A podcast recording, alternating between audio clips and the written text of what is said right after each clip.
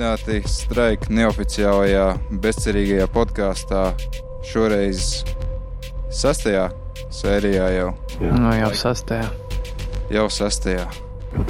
Kā iespējams dzirdat, šoreiz mums ir vēl pievienojies viesis, kas ir uh, pirmo reizi noticis. Nu, jā, es esmu genocīds, tas nav mans īstais vārds. Ir Fenfen. Tas ir mans īstais vārds. Jep, un uh, tad mums trešais cilvēks ir Suicide Christ. Es arī pieļauju, ka tas ir vārds uzvārds.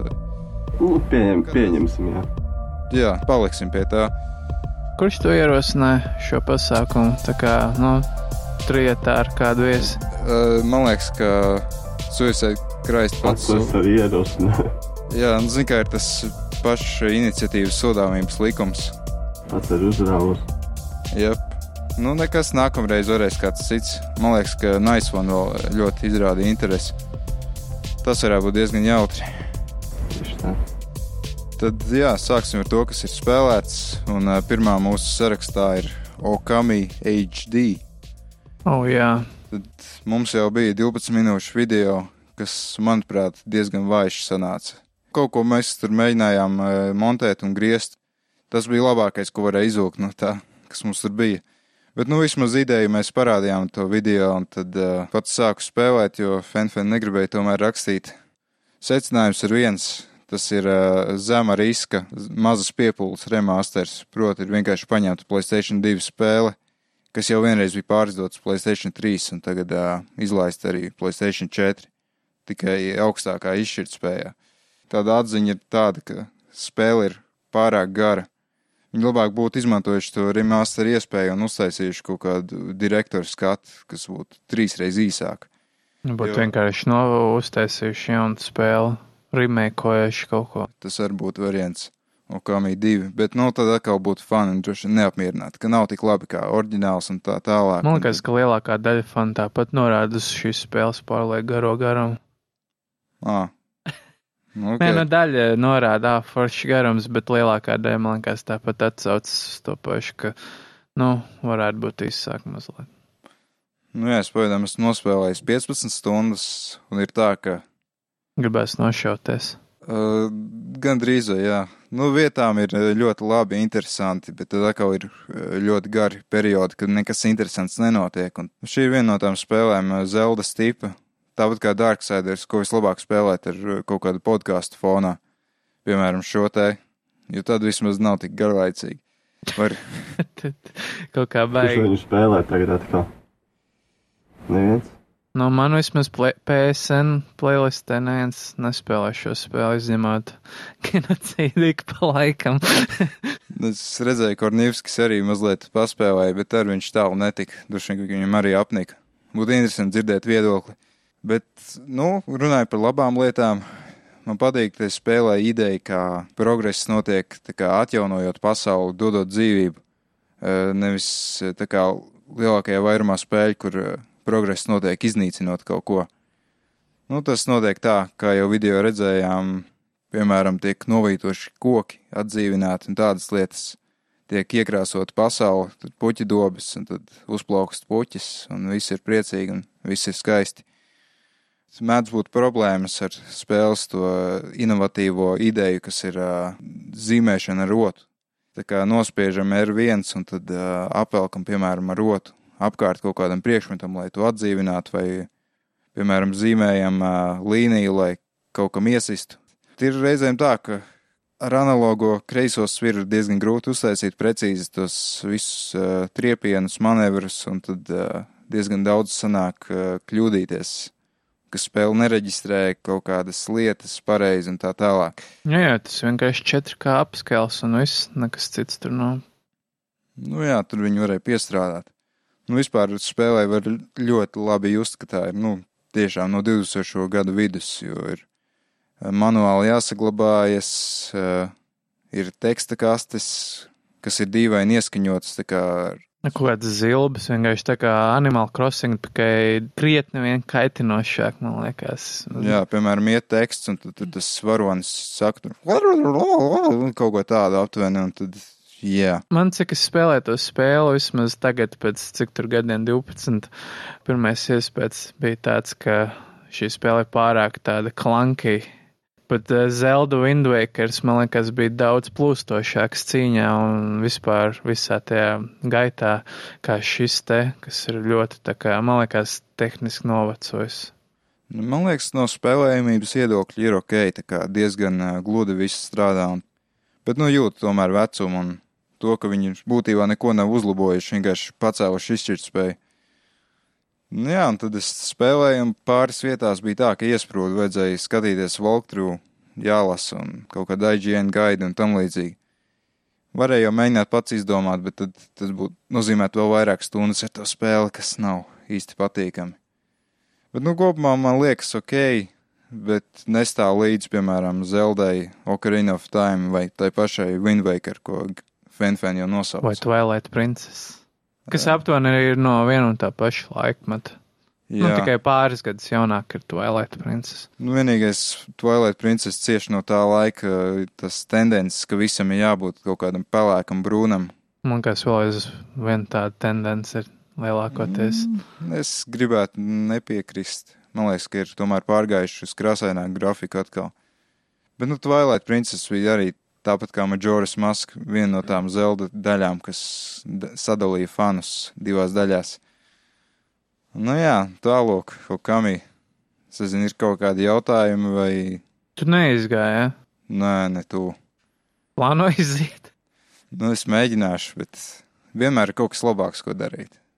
Kas bija publicējis šo spēli? Izdevis uh, Capcom. Oh. Un Capcom ir pazīstama ar to, ka viņi izlaiž diezgan, kā jau teicu, zema riska mazas piepūles projektus. Tā kā, piemēram, bija Resident Evil Revelations uz Switch un uh, kaut kas vēl. Jā, bet viņam, man liekas, šis pēdējais gads diezgan spīdošs bijis ar Resident Evil un Monster Hunter. Nu jā, tāpēc, ka iznāca Resident Evil 7, kas ir mm, daudz skatījumā meistardarbs, tāpat arī Monster Hunter World, ko, starp citu, ir spēlējis Svenfen. Tā Monster Hunter, jā. Es nezinu, vai šī spēle ir uh, universāls fumbins, ne universāls. Nē, sedans. nē, nē, bet šis, uh, kā bija tas vārds? Kaķi pabaro lūdzu. Tā Monster Hunter World laikam ir pagaidām ekskluzīvs konsolēm, vai tur vēl PC versija ir, es nezinu. PC versija būs vēlāk kaut kad šogad. Ah, forši. Ok, labi. Monster Hunter. Nu, tā kā, kurš apskatīja mums šo spēli? Kornivskis. Nu, Kā viņš apskatīja, laikam, es saprotu, tur bija pozitīvs vērtējums, ne? Man šķiet, ka 9 no 10 viņš pat kaut ko tādu iedeva. Jā. Augstu novērtējumu iedeva. Nu, es nelasīju to apskatu, bet 9 no 10, man liekas, ir aptuveni tas, ko es dotu šai spēlē, bet, manuprāt, būtu vairāk uz 10, tā kā 9,5 no 10, jo šī spēle ir diezgan, diezgan laba, diezgan atsvaidzinoša pieredze.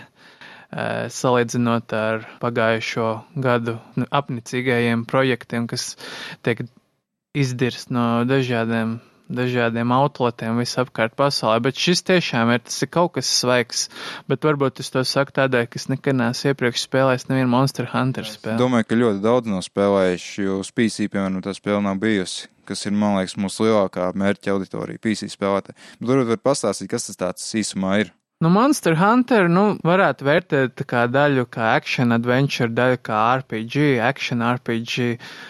Faktiski tu esi mednieks, kurš skraida pa pasauli un medī dinozaurus. Nu, kā tur spēlē, visu sauc pa vaivērniem.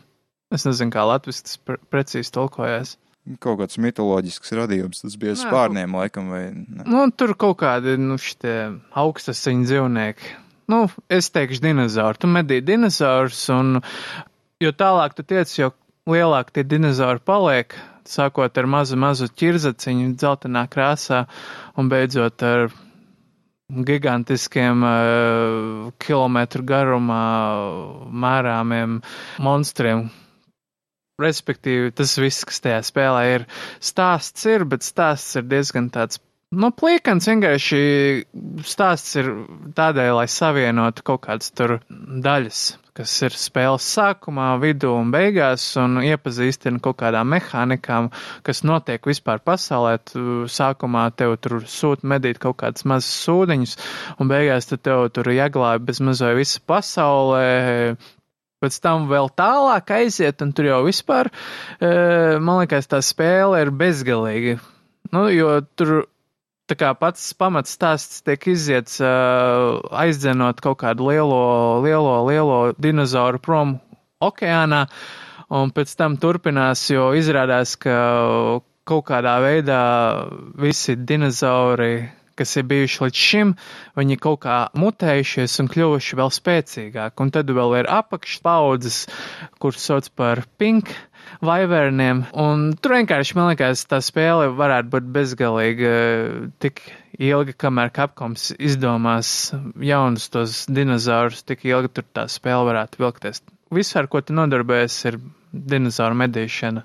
Un tu vari vēl tur nomedīt dinozaurus, no viņiem savākt tādeņus vai kaut kādas tur zvīņas vai kaulus un no tiem visiem štruntiem uztaisīt savu bruņus un jo krūtāks bruņus, jo krūtāks dinozaurs tu būtībā var medīt. Cik saprotu, Monster Hunter ir ļoti tehniska spēle. Tad... Jā, tur ir dažādi visādi ieroči, tur ir tas soul blades, tur ir āmuri, tur ir zobens ar bru, uh, vairogu, un nu, tur katrs ierocis ir fundamentāli citādāks. Kā ar āmuru ļoti vienkārši, vienkārši ma, uh, mahā pa labi, pa kreisi, tad tur ir ļoti tehniski uh, ieroči kā kinsekts, kas kinsekt glēbs, kas ir tāds kā, es nezinu, pīķis, ar kuru var šaut insektus, kas kaut kādas visādas propertīs mēdz piedot, nu tā kā ļoti ja, jāpiešaujās katram ierocim, jo, teiksim, paši vienkāršākie tur ir diezgan, nu, liels dziļums tam, ieročiem. Pat, ja tas ir vienkārši āmurs, tur ir visādi kombo, kurus tu vari pielietot un jābūt ļoti precīzam. Tā kā tu vari attapties vienkārši mahājot tukšā gaisā un, un, un no muguras dabūt ar asti pa galvu un aizlidot, un pēc tam tev ir uh, deist status, un tu, tu tur vienkārši ļurkājies. Uh, kamēr tev tur nosit un tev skaķīts mazais aizvelk tev līdz tuvākajai stacijai, kur tev atkal jāsakož zobi un jāskan atpakaļ pie tā dinozaura lamājoties, jo tu, tu nevari vairs tā kā paēst, jā, paēst, tas ir ļoti svarīgi šajā spēlē, tas vienmēr jāizdara, jo pēdot tu vari dabūt tā kā plus HP, plus stamina Un pēc tam, tu, ja tevi nosit, tu, var, tu vari paēst, bet tev vairs nedod to status tik liels kā iepriekš, tāpēc, jā, tev ir lielāka iespēja zaudēt. Nu, es, es vērtēju, ka tas ir Demon Souls tikai daudz jautrāks. Cik aptuveni stundas vajadzēja pavadīt visādās pamācībās, tajos tutoriālos tā saucamajos? Jā, un tas ir pats interesantākais, jo salīdzinot ar vecajām, nu, ne vecajām, bet ie, nu, līdz šim Japāņu spēlēm, uh, Monster Hunter īpaši laiku nevelta, lai tevi iepazīstinātu ar visādiem nevajadzīgiem štruntiem. Tas viss notiek spēles gaitā, tā palēnām, palēnām, bet vispār nekad neapstājas tas viss akcents. Nevienā brīdī visu laiku kaut kas notiek, un tas, tas ir ļoti pozitīvi. Prieks dzirdēt, jo kas man attur no visādām tādām spēlēm, arī ieskaitot Witcher un tam līdzīgi, vienkārši tas, cik sarežģīti viss tur ir un cik daudz laika tam vajag, un tad Nē, te arī vajag ļoti ilgu laiku, lai uh, iemācītos lietas, bet tas, tas nav svarīgi visu mācīt uzreiz. Tā kā viss palānām, palānām tiek atslēgts priekš tevis, tur atslēdzās jaunas bruņas, jaunas mehānikas, tā kā jaunu visādas prikoli, tur var sūtīt kaķīšus uz safari, lai viņi vāc tev resursus, un, un, un, un tas, tas ir tikai pēc 15 stundām, kad tev pirmā reize pasaka, ka ir tāda iespēja. Es vispār, es nebūtu piegājis pie kaut kādas random vecenas vienā ciemā un paprasījis uh, kaut ko šo, un to es nebūtu, ne, nebūtu uzzinājis par tādu lietu kā čārmiem, jo viņi vienkārši neuzmācās to, ka ir tāda lieta. Viņi neapstādināja un man pusstundu neskaidroja, kā to uztaisīt, kāpēc tas ir vajadzīgs, kā to uz, uzvilkt. Tas vienkārši tika parādīts tā starp citu, nu, tas man ļoti patika šajā spēlē. Bet vienīgā tā kā man kritis, kritis kritis, nu, mans kriticisms ir par šo spēli tāds, ka tā kā, man ļoti nepatīk, lai gan viss ir ļoti ātrs un spraigs, tur ir tādas liet, vietas, kā, ka tev, teiksim, tāpat, kā es teicu, jau iesit pa pakaus ar asti, tev iestājās tas dejas status, tas ļoti ilgi, nu, tā kā notiek, lai atkritītos no tā statusa, nu, tā kā tur tas analogais stiks ir tā kā pa labi, pa kreisi jādroči, lai atkritītos. Un tas parādās, tas status tikai tad, kad tu lēnām piecelies, un tad parādās, un tad tu saproti, o, oh, o, oh, tev ir dirsā, jo tu uzliks virsū anģenats un samīcīs ar liesmām un uzspridzinās, bet tu tur lēnām tur kaut ko tur tizlojies, tur, un man tas tik ļoti kaitina, ka viss ir tik ātrs un tu nespēji izvairīties, jo spēle tev neļauj izvairīties. Tu tiec tā kā ieslēgts tajā, nu, statusā, tajā ievainojamības. Un tas ir man vienīgā tā kā, nu, konstruktīvais kritisisms par šo spēli. Nu, vispār no quicktime eventiem man tie, kur jāgroza analogās, tas ir riebis visvairāk. Nu jā, tas ir vienīgais, manuprāt, līdz šim tas status, no kura tā var atkritīties. Jo, teiksim, ka tu aizdedzies, tur pietiek, ka tu tur pa zemi pa, Pavārties. Pavārties. Tas, tas, tas ļoti man patīk. Tas ļoti ātri pazūd. Bet ir tāda tā kā inda, uh, poison, tad tev jāiedzer antidots vai arī jāied, jāhāpē tas herbal. Tas, Herbalife. Nu, nu Herbalife arī to sauc par Herbalife. Jā, un, un, un viss kārtībā. Bet, nu, jā, tie deizdi un tad ir viss kaut kādi aist un, nu, tur forši, forši, viss, bet deizdi. Jā. Man okay. patīk šī spēle. Es novērtētu 9,5 no 10. Cīņu sistēma diezgan ātri saprata. Jā, tur ir vienkārši jātrāp un jāizvairās. Nu, tā kā, nu, Demon, Demon Souls. Nu, Jā. Nu, praktiski tas pats vienkārši. Tikai daudz jautrāk un varbūt arī daudz vienkāršāk. Interesanti. Jep. Vairs nav ko īsti vaicāt. Varbūt suicide kraisti kaut kādas idejas vēl. Nē, es neesmu spēlējis nevienu no tām spēlēm no Playstation 4. Es lietoju tikai datoru, neko citu. Sadarbībā ar Suicide Christ ir iespēja tikt pie pāris uh, negluži ļoti svaigām spēlēm, bet, nu, katrā ziņā PC spēlēm bez maksas. Viss, kas jums jāizdara, ir pirmajam pareizi jāatbild uz jautājumu pareizi. Nu, jā, tas ir tāds nosacīts jēdziens, bet uh, šiem jautājumiem, kas mums būs, ir. Uh, Noteikti pareizi atbildē. Jau ir izdomāti. Ja jā. tu trāpīsi, tad dabūsi. Tad pirmais. Uh, kādas seksuālās orientācijas pārstāvju vidū Eirovīzija ir īpaši iecienīta? Kādu spēli mēs varētu dot par šādu jautājumu pareizu atbildēšanu? Es teikšu, Life is Strange. Yep, Life is Strange indeed.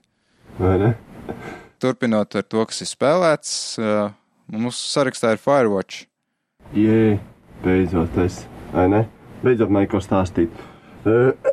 Kas ir Firewatch? Tātad tas ir stāsts par.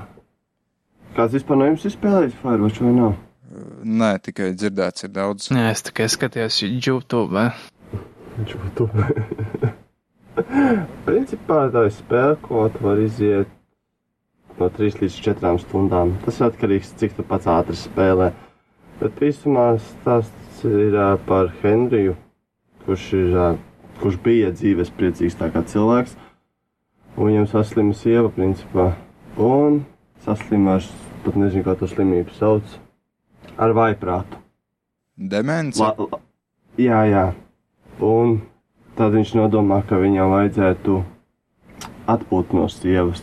Tādēļ viņš tiek nosūt, nevis nosūtīts, bet pats aizbrauc uz mežu, kur strādā meža ugunsgrēku nolūku punktā.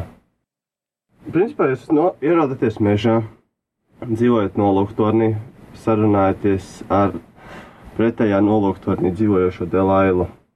Viņa arī ir vienīgais personāžs spēlē, kurš jums dos kvestus. Jūs sazināties caur rāciju. Principā otrā dienā jums ir pirmais kvests, kur es nespoilošu, kas jums jādara. Jūs izpildat šo questu, un, un pēc apmēram 30 dienām spēlē pavadītām sāk nostikt misteriskas lietas. Piemēram, dodaties atpakaļ no questa pa nakti. Jūs ieraugat cilvēku, kurš stāv klints malā ar lukturīti, bet tā nav Delaila. Tad es domāju, kas tas ir. Jūs aizskrienat atpakaļ savu nolūktorni, jums viss nolūktornis ir izārdīts logi izsisti. Tam tas Henrijs. Viņš tā kā aizsvilstās principā tajā spēlē, tā kā storijā. Un tad viņš sāk izmeklēt, kas notiek. Kas šis ir pa mistērijām. Un tā dienā ejot, viņš atklāja to šo, vēl šo to mežā. Un principā tā ir tā spēle notiek.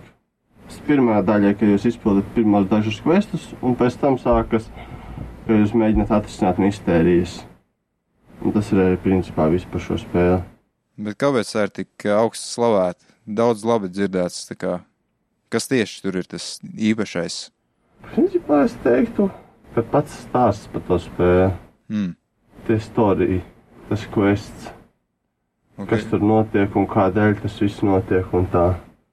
Tad, kā es teicu, es negribu neko spoilot, jo, nu, 3-4 stundas tur katrs vārds ir vienkārši spoilošana, jau es jau nospoiloju pāris vietas, Bet tā... ļoti grūti nespoilot. vispārīgi runājot, tad būtībā tur ir daudz pārsteigumu. Tā būtu.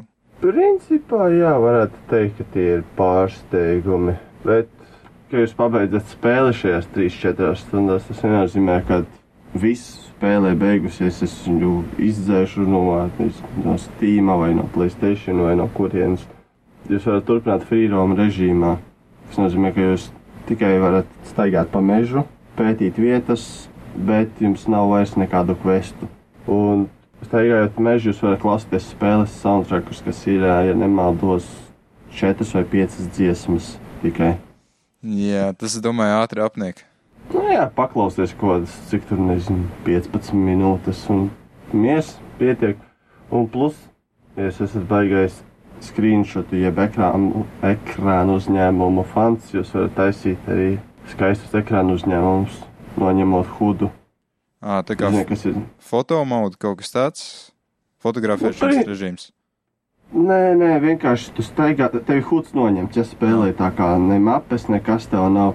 Vienkārši šis stīmā, tur, kas ir tā defaultā poga F12. À, Vienkārši taisīs smukus screenshots ar F12, un tas ir arī principā viss.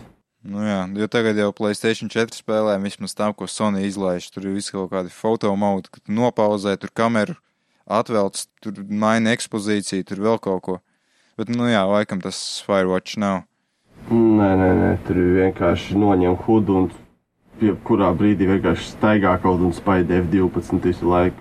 Nu, tad spēle izskatās ļoti skaisti, tā es saprotu to. Spēle ir skaista, jā. Stīmā bija pagājušajā sēlā bija pa astoņiem eiro. Es izdomāju, nu, beidzot jāpaņem, viss saka, jānopērk, jānopērk. Nu, spēle, kā es teicu, var iziet 3-4 stundās, bet es izgāju 4 stundās 46 minūtēs. Tāpēc, ka es esmu, nezinu, teiksim, achievement hunters, jā. Nu Un jā, es mēģināju dabūt visus 10 achievementus 100%, un tas man prasītās gandrīz 5 stundas jau laika. nu jā, tas ir tā kā vidējiem spēlētājiem kaut kādi 3-4 vakari varbūt tā. Cik man tas prasīja? Man liekas, ka man tas prasīja. Nu, jā, varētu būt divi, trīs vakari. Mm. Es sākumā domāju, iziešu. Es zināju, ka tā spēle ir kaut kādas 3-4 stundas. Domāju, iziešu vienā vakarā, bet spēlē, spēlē, spēlē, spēlē. Es jau daudz, it kā liekas, ka daudz es izspēlēju, stunda arī tikai pagājis. Es tā, ej, man apnika. Es slēdzu ārā. Tas pēc jau kamī izklausās īstenībā. No visām spēlēm tā. Es nevaru paspēlēt ilgāku stundu. Nu jā, mans risinājums parasti ir tā pa pusstundai kaut kā paspēlēt, un tad atkal at, pēc tam vēlāk atgriezties tā kaut kā var vismaz paciest. Jā, katram savs. Nu, es pusstundu paspēlēju, un tad divas stundas paskatos Twitch vai YouTube. Un tad atkal pusstundu paspēlēju. Kaut kā tā apmēram brīvdienas paiet. Nu jā, izklausās ok. Fenfen jau laikam nav nekāda jautājuma, ne? Viņš ir aizmidzis, jau man liekas. Nē, tas ir vairāk kā walking simulators vai kāds tur pēc principa. Principā jā, bet viņš ir tā kā lineārs walking simulators. Aiziet līdz turienei, izdari to, atnāc atpakaļ uz savu, teiksim, māju, ja. Atkal skipojas diena, piecelies, atkal aiziet izdari to, atkal nāc uz māju, skipojas diena un tā. Protams, spēlē tu pavadīji 79 dienas, ja nemaldos. Bet tas nav tā, ka tu tev ir 79 kvesti tajā 3 stundu laikā. Tas ir tā, ka ir ā, pirmā diena, kad ierodies mežā, otrā diena, un tad jau pēc tam ir kaut kāda 30. Laikam bija 50, tās kuras, tad jau beigās ir 70. Tā jau ir spēles beigas, principā. Ā, skaidrs, tad kaut kādas dienas, kur nekas nenotiek, tās vienkārši izlaiž spēli, tā kā un uzreiz pārlec pie. Jā, jā, jā. Nu, principā tas jau viss ir tā kā uztaisīts. Viņas skipojās un kas tur un kas tur. Mm, tad jau ok, tad nav tā, kas piespiež uh, darīt to, ko negribētos, kas būtu garlaicīgi. Nu, jā, nu, tas īsumā arī būtu viss par Firewatch. Nākošais, ja man uzaicinās podkāstā, es mēģināšu varbūt iemācīties runāt. Ā, nē, tas viss, tas nāk ar laiku. Vai ne? Mums, ja jūs atceraties, kādreiz bija komunīti, kom, kā viņi sauc? Komunistiskais. Podkāsts. Jā, jā, atceros, tajos es visos piedalījos. Tikai es neteikšu, kā man sauc. Tad runājot par li- lietām, mēs varētu parunāt par Bayonetta 1 un 2, kas ir uh, Platinum Games uh, hack and slash spēle. Ja jūs zināt, kas ir Platinum Games, tad būtībā Metal Gear, Rising Revengeance, uh, kas tur vēl bija, Nier Automata, tāda diezgan traka Japāņu spēle. Uh, nu jā, tad es iegādājos um, spēles pārizdoto versiju uz, Vi- uz uh, Switch. Kārtējo pārizdoto versiju. Nu, nu jā, tā ir, ka nav jauna spēļa, tad izlaiž tās pašas vecās. Nu, vienīgais tas, kā es to spēli dabūju, bija diezgan liels čakars, jo iznāca 16. februārī, eh, bet, piemēram, 23. praktiski nekur Latvijā nevarēja dabūt uz vietas. Vienīgā vieta, kur bija uz vietas, es aizbraucu un izrādās viņiem tikai special edition eh, par 80 eiro. Eh, Standarta spēle maksā 55. Nu jā, es tā ilgi domāju, nu, beigās tomēr paņēmu to special edition. Būtībā divi. Labāk mēnesi neēdīšu un ņemšu spēli. Nu jā, jā, no roltoniem pārtikšu. Būtībā par 25 eiro vairāk jūs saņemat uh, steelbook, nu, kas ir forši, bet, nu, steelbooks neko nemaksā uzražot. Un tad ir kaut kādas uzlīmes, es nezinu, kam tas ir vajadzīgs. un- Maši, mašīnai pie bumpera. Jā, jā, tur bija neta. Tad- Bet tās uzlīmes ir ļoti sīkas, tā ka tur, uh, tur rakstīts mašīnai aizmugurē, tur pasāt, un tu tur uzliek tādu to hāt uzlīmi. Jo tur ir tas viens no tēliem, uh, tas Rodāns, uh, melns cilvēks, uh, viņš tā kā ir kaut kāds elles. Nu, Viņš ir pārdevējs būtībā, viņam ir sava bode, kur viņš pārdod ieročus, kurus var iegādāties par spēles valūtu. Nu jā, viņam tāds, tāds teiciens ir un varbūt, to var uzlīmēt klāt. Vai arī uz savu izpūtēju uzlīme. Jā, vai pie sava AMD datora. nu jā, tad eh, būtībā stūli, bet, nu, nopirku special edition, nu, neko darīt. Savā ziņā es to pamatoju tā, ka ir par tiem 80 eiro es saņemu nevis vienu spēli, bet divas, jo tiek iekļauta pirmā spēle, kas ir kā download kods. Baigi stulbi, nu tā ir krāpšana. Man tā- baigā jēga reāli, tad ir no fiziskās tās saucamās versijas, ja Nu tur ir jā. tikai download kods. Ne, Japāņiem ir arī fiziskā pirmā, bet tad ir jāiegādājas non-stop climax edition, kas ir interesants nosaukums. Jā, nepārtrauktās klimaksas versija. Kas, Jā, kā jau Japāņiem izklausās Nu. interesanti. jā, maksā tikai 150 mārciņas eBay. Jā, tikai. Jā, Tikai A, Kas tur līdz kaut kāda tur bajonetes pakaļas atlējums? Ne, ne. lielās uzlīmītes. Nē, nu vienīgā starpība tāda, ka ir uh, fiziskā versija arī pirmajai spēlē, un tad stilbokā ir vieta divām kārtridž, diviem kārtridžiem. Bet nu 150 mārciņas, un es sapratu, ka Japāņu versijai angliski ir tikai subtitri un audio. Tas nozīmē, ka viss pārējais teksts ir japāniski. Nu, jā, to es tā kā negribu atkal eh, tam burties cauri. Nu jā, traka hack and slash spēle, portēta no VU. Tā kā Tas pat nav, tāpat nav īsta versija, tas vienkārši ir ports. Jā, vienīgā atšķirība, ka tagad strādā uz daudz stabilāk, uz 60 kadriem sekundē. Un eh, tā kā Bayonetta 2 ir Viju ekskluzīvs, vismaz bija, tad tas ir vienīgais veids, kā tikt pie tādas gludi strādājošas, tiešām gludi strā- strādājošas otrās Bayonetas. Un kā, kā tavuprāt, kā Mija pa pamato to, ka Bajoneta ir tagad Nintendo konsoļu ekskluzīvs? Nu, ir tā, ka neviens, kaut gan Bayonetta bija kritiķi ļoti augsti slavēta spēle, patērētāji ar saviem aciņiem īsti nepiekrita, diezgan slikti pārdošanas rādītāji bija. Tad vienīgais veids, kā varēja publicēt otro daļu, bija ar Nintendo atbalstu finansiāli. Tas nozīmē, ka Bayoneta būtībā tagad ir Nintendo ekskluzīva sērija. Pirmai daļai, kurai nav nekādu speciālo tiesību, jā, nu tā iznāca nesen uz PC, kaut kad pagājušā gada diezgan labs sports bija, cik es sapratu. Bet tā kā uh, Bayoneta ir Super Smash Bros, es domāju, ka kādu laiku tā arī paliks, ne? Nu, es domāju, ka vairs jau neatgriezīsies pie. Tas, tur tagad tas ir Nintendo viens no brandiem, tāpat kā tur Kirby un Yoshi. Nu, ne tā kā pirmās šķiras kā Mario, bet nu tāds otrais viņiem. Nu, būtībā par pašām spēlēm runājot, pirmā daļa forša spēle, bet, manuprāt, pārāk pelēka, jo iznāca 2009. gadā. Tas bija tā kā tas zenīts, kad visām spēlēm vajadzēja būt ar pelēkiem, brūniem krāsu filtriem. Un spēle ir arī pārāk grūta. Spēlēju uz normālu un jau desmito reizi atkārtojot to pašu vietu, sapratu, ka man īsti nav jautri, ka bišķi sāk jau nožēlot savu 80 eiro pirkumu. Bet, nu, risinājums bija uzlikt uz īzī automātiku režīmu, kas, tā kā, nu, īstiem večiem, tomēr tas izklausās tā kā baigi mīksti. Tas bija vismaz vienīgais veids, kā spēle varēja beidzot sākt baudīt. Tā kā uzliku uz īzī un bija jau kaut kāds prieks spēlēt atkal. Nu, respektīvi, šī spēle nav priekš casual playeriem. Tieši tā. Jums vāji nervi un uh, slikts reakcijas laiks un uh, slikta roku acu koordinācija, tad labāk. Patīk mētēt kontrolieris pret sienām. Vai ekrānā. Tad nav priekš maniem. Jā, sorry. Vai ne? Nepīkšu. Lai gan uzliek uz īzijas, tur vēl kaut kāds super īzija režīms, bet nu, tas jau vispār, nu, tas jau tā kā ego trieciens, es domāju. Nu, kurš spēlēs super īzija?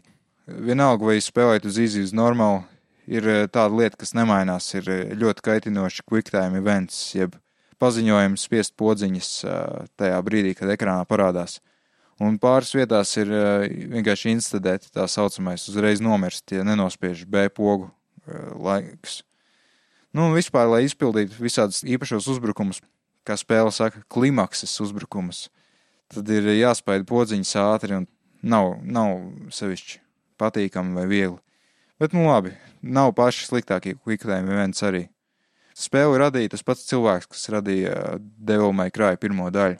Tāpēc ļoti daudz atcīt spēle to gotisko arhitektūru, vispār to šarmu, kas ir Devil May Cry, kas, man liekas, ir ļoti laba spēle izgāja arī uz normālu režīmu, kas arī bija brutāls kaut kad sen, sen uz Playstation 2. Nu, un Tu tad, vēl biji jauns un vēl varēja noreaģēt uz pretinieku kaut kādām kustībām. jā, tad, kad vēl stāvēja. Tikai tev vēl klimaks. Jā, varēja kad bija non-stop klimaks. Nu, jā, bet no gameplay perspektīvas ļoti gluda tā spēle ir. Vadībai nav nekādas aizturas. Es nejūstu, nejūtu, ka tā ir veca spēle. Kaut gan, nu, patiesībā ir veca, jau gandrīz desmit gadi. Uh, nu, un tad salīdzinājumā otrā daļa, kas iznāca uz Wii U 2014. gadā, ja nemaldos, vai 13. Tā ir salīdzinājumam daudz krāsaināka, jau daudz stilīgāka, jau daudz tuvāk tam, ko mēs tagad sagaidām no Platinum Games.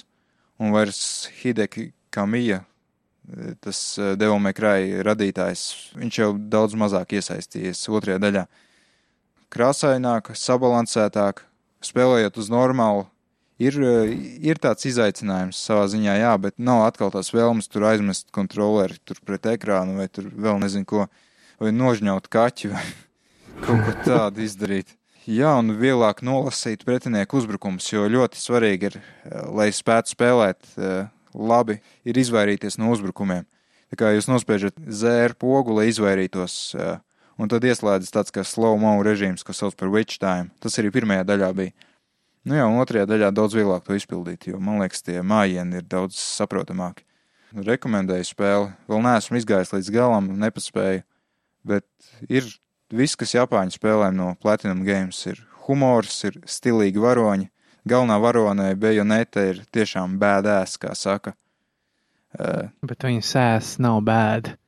nu jā, tur nevar sūdzēties. Un ir ļoti seksualizēta tā galvenā varone. Bet uh, in, interesantā kārtā feministas ir ok ar viņu. Tā kā viņa ir it kā seksualizēta ļoti, bet tāda spēcīga sieviete. Es nezinu, nu, Nu, tikai tāpēc, ka viņa galvenais varonis, tāpēc ir ok, ka viņa ir pusplikuma ar pieguļošu spandeksu skraidu riņķī, bet ja viņi nebūtu, ja viņi, teiksim, GTA būtu kaut kāds saidvaronis, tad visdrīzākais tas būtu kaut kāda misoģīnija vai kaut kas tam līdzīgs. Jā, jā, sieviešu apspiešana un uh, objektivizēšana. Objektivikācija, es nezinu, kā to latviski sauc.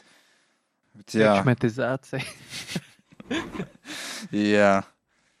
Ir tā, ka viņa noteikti skombo taisot, viņa tā kā pamazām pazūd drēbes līdz, O, un tad atkal, tad atkal atgriežas. Tā kā diezgan daudz Ai. ādas var redzēt, bet, nu, ne, ne tās vietas. Nu jā, un es iesaku, rekomendēju. Forša spēle.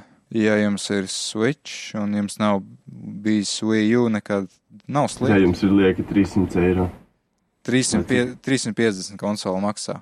Nu, un ja jūs, nu, ja jūs vispār varat tikt pie parastās versijas, jo Latvijā nekur nav. Vienkārši es nezinu, kāpēc. Vai kas ir neparastā versija? Nu, tā special edition pa 80. Ā, tu domā tieši ties. Es Šai domāju, ā, tad pa viju, jā, fu, pa, fu, spēle. Par Switch. Bet, nu, ja jūs esat īpaši traki, tad ir arī non-stop climax edition. Jā, to der atcerēties. Nu, jā, Tu nevar neatcerēties. jā, tas kaut kas tāds, kas paliek uh, prātā. Ok, kas mums ir nākamais sarakstā? Kas tev ir? Tā kā Fenfen neko vairāk nav spēlējis, izņemot Need for Speed, par ko mēs nolēmām nerunāt. Izņemot Evo online droši vien. Mm, Nē, Evo online tagad jau ir noiets etaps. ā, Man tik ļoti apnīk ātri spēles, tāpēc es ne, nevaru neko, nekam piesaistīties. ok, tad es pieļauju, ka tu kaut kāda jauna aizraušanās. Man, man Monster Hunters varētu būt. Nu jā, tas Masturbācija. Nē, Tā, to man nevajag. Tā- Tam man. Nav aizraušanās vairāk. Ja? Jā, man jau, es skatījos reāli dokumentālo filmu par onanistiem, un ka viņi ir tik daudz onanējuši, ka viņi jau vairs pat nestāv. Sav- ir kaut kāda medicīnisks defekts, ka tā kā nevar vairs tas vārds ciet, un tev tek visu laiku. Es nezinu, kā mēs pie tā nonācām, jo vispār mums vajadzēja runāt par uh, spēli, ko sauc Mountain, ko ir Mountain. spēlējis Jā. Suicide Christ. nu, neteiksim, kas viņu spēlēja. Jā. Viņa ir principā tā kā Evo online, kā fanfans. Viņu palaiž fonā un daries un skaties, kas notiek. Montaņa ir apkārtējo pasaules procesu kalnu spēle. Principā tev ir kalns. Uz, es pat nezinu, kāds grafiks te spēlē. Uz pa pusi ekrāna pieņemsim, ja tev tā spēle ir. Vienkārši kamēr ieslēdz, ieslēdz stīmu, ieslēdz spēli un te ir daries aiz pusdienas, skaties Twitchu, spēlē citas spēles, tur nezinu, kā tā 5 vai ko tur Counter-Strike. Un tu ienāc ik pa brīdim pasties, kas ir nokritis uz tava kalna. Principā tev ir kalns un uz viņa krīt visādi objekti. Tur tenisa bumbas, mašīnas, telefona būdas, ciplanētiešu kuģi. Vienkārši piesārņo tev kalnu, principā. Un plus vēl notiek tas, ka uh, apkārt vienkārši sāk līt, sāk snikt, nu, laika apstākļi apkārt kalnam. Nu, tas ir principā viss. Mm. Vienkārši palaid spēli fonā un skaties, kas nokritis jauns, un tas viss. Un krājas čilmentus, protams, ar čilmentu, kur bez čilmentiem. Okay, Un būtu... maksā 62 centi uz akcijām. Aha, ok. Es jau biju domājis, tas kaut kāds Indija, uh, arcī, farcī, kaut kāds 15 eiro brīnums. Nē, taču ko jūs traki vai? Nu, ne tas vien pasaulē tiek eh, par augstu cenu pārdots. Tad būtībā tas ir tā kā interaktīvs screensaveris, gandrīz vai tā. Jā, apskatos daudzi saka, ka vajadzētu šito kādu screensaver, bet tas nav. Tā ir. Es to pat tev arī ieslēpu pateikšu. Nav tas screensavers, vienkārši maz, mazs lodziņš tev ekrāna vidū, un tas jau arī viss. Nu, kā tu minēji, ka fonā var laist, piemēram, ka priekšplānā var spēlēt GTA 5 un tam līdzīgi. Tad jau maz, Jā. maz resursus laikam prasa arī. Jā, Mountain. es domāju, ka ļoti maz. Tā ir tā kā Mm. divu dimensiju grafika tur. Trīs dimensiju. À, Tu vari to kalnu grozīt no visām pusēm, lai tu redzētu, kas uz viņai sakritis. nu jā, es laikam īsti nesaprotu, kāpēc kāds kaut ko tādu gribētu spēlēt. Bet, Nu, sh, shit, it's 99 cents. Jā, tā viņš ir 99, un pat bija pa 62. Man par divu nedēļām ir 68 stundas jau iekrātas. Vienkārši ieslēdz datoru no rīta un nedaries. Mm, Vienā dienā, cik man bija, pie 700 minūtēm vienā dienā bija palaistas, skatījos. uh, bet es, es īsti nezinu, vai Steam spēj skaitīt divas spēles palaistas. Jā, viņš spēja. ah, Tik lai, galvenais tev ir uzlikt. Liekas, ka nav jāuzliek, divas spēles reizē. Bija jāliek tikai tas, ja tu lejuplādē spēli un gribi spēlēt, tad bija jāliek, ka tu vari abas lietas reizē darīt. Bet tā var arī divas spēles reizē vienkārši spēlēt arī. tas nozīmē, ka iespējams nospēlēt divreiz vairāk nekā reāli. Nu, tā kā Steam rādīs mēneša beigās, ka ir spēlēts. Jā, varētu tā būt. Nu, Okay. Jā, interesanti. Ir interesanti. Es esmu skaties YouTube vai ko dari, pasties savu kalnu. Plus, jau, ja tev ir mākoņains laiks kalnam, tad vienkārši vari kustināt kalnu un tos mākoņus tā kā Kliedēt? at, at, at, jā, jā, kliedēt. Mans kalns pagaidām, es nezinu, kādēļ ir tukšs un uz viņa tikai koki. Tas ir viss un spīd saulīte. Nezinu, neviena objekta nav. Bet tā es esmu atmetis tagad viņu. Tā esmu visu laiku, pirmās divas nedēļas, vienkārši katru dienu, kā ieslēdz datoru, uzreiz spēlēju iekšā.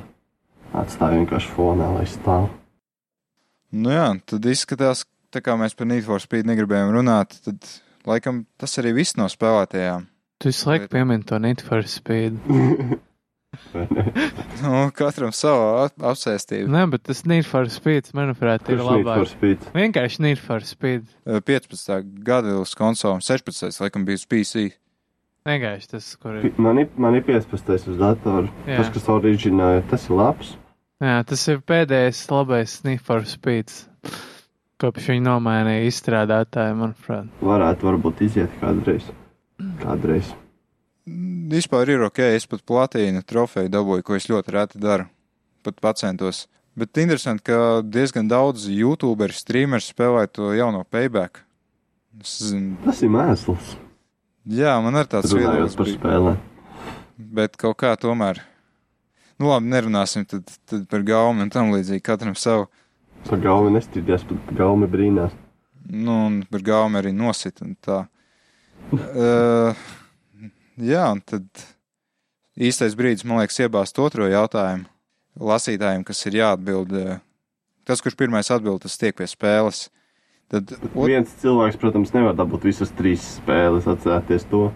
jā, ir tā kā, tā, ka viens noklausās pirmais, atbild visiem trīs jautājumiem, man visas trīs spēles. jā, mums vajadzētu tā. kaut kā ierobežot, laikam, tā kā, ka viens lietotājs var uzdot, atbildēt tikai uz vienu jautājumu. Tā.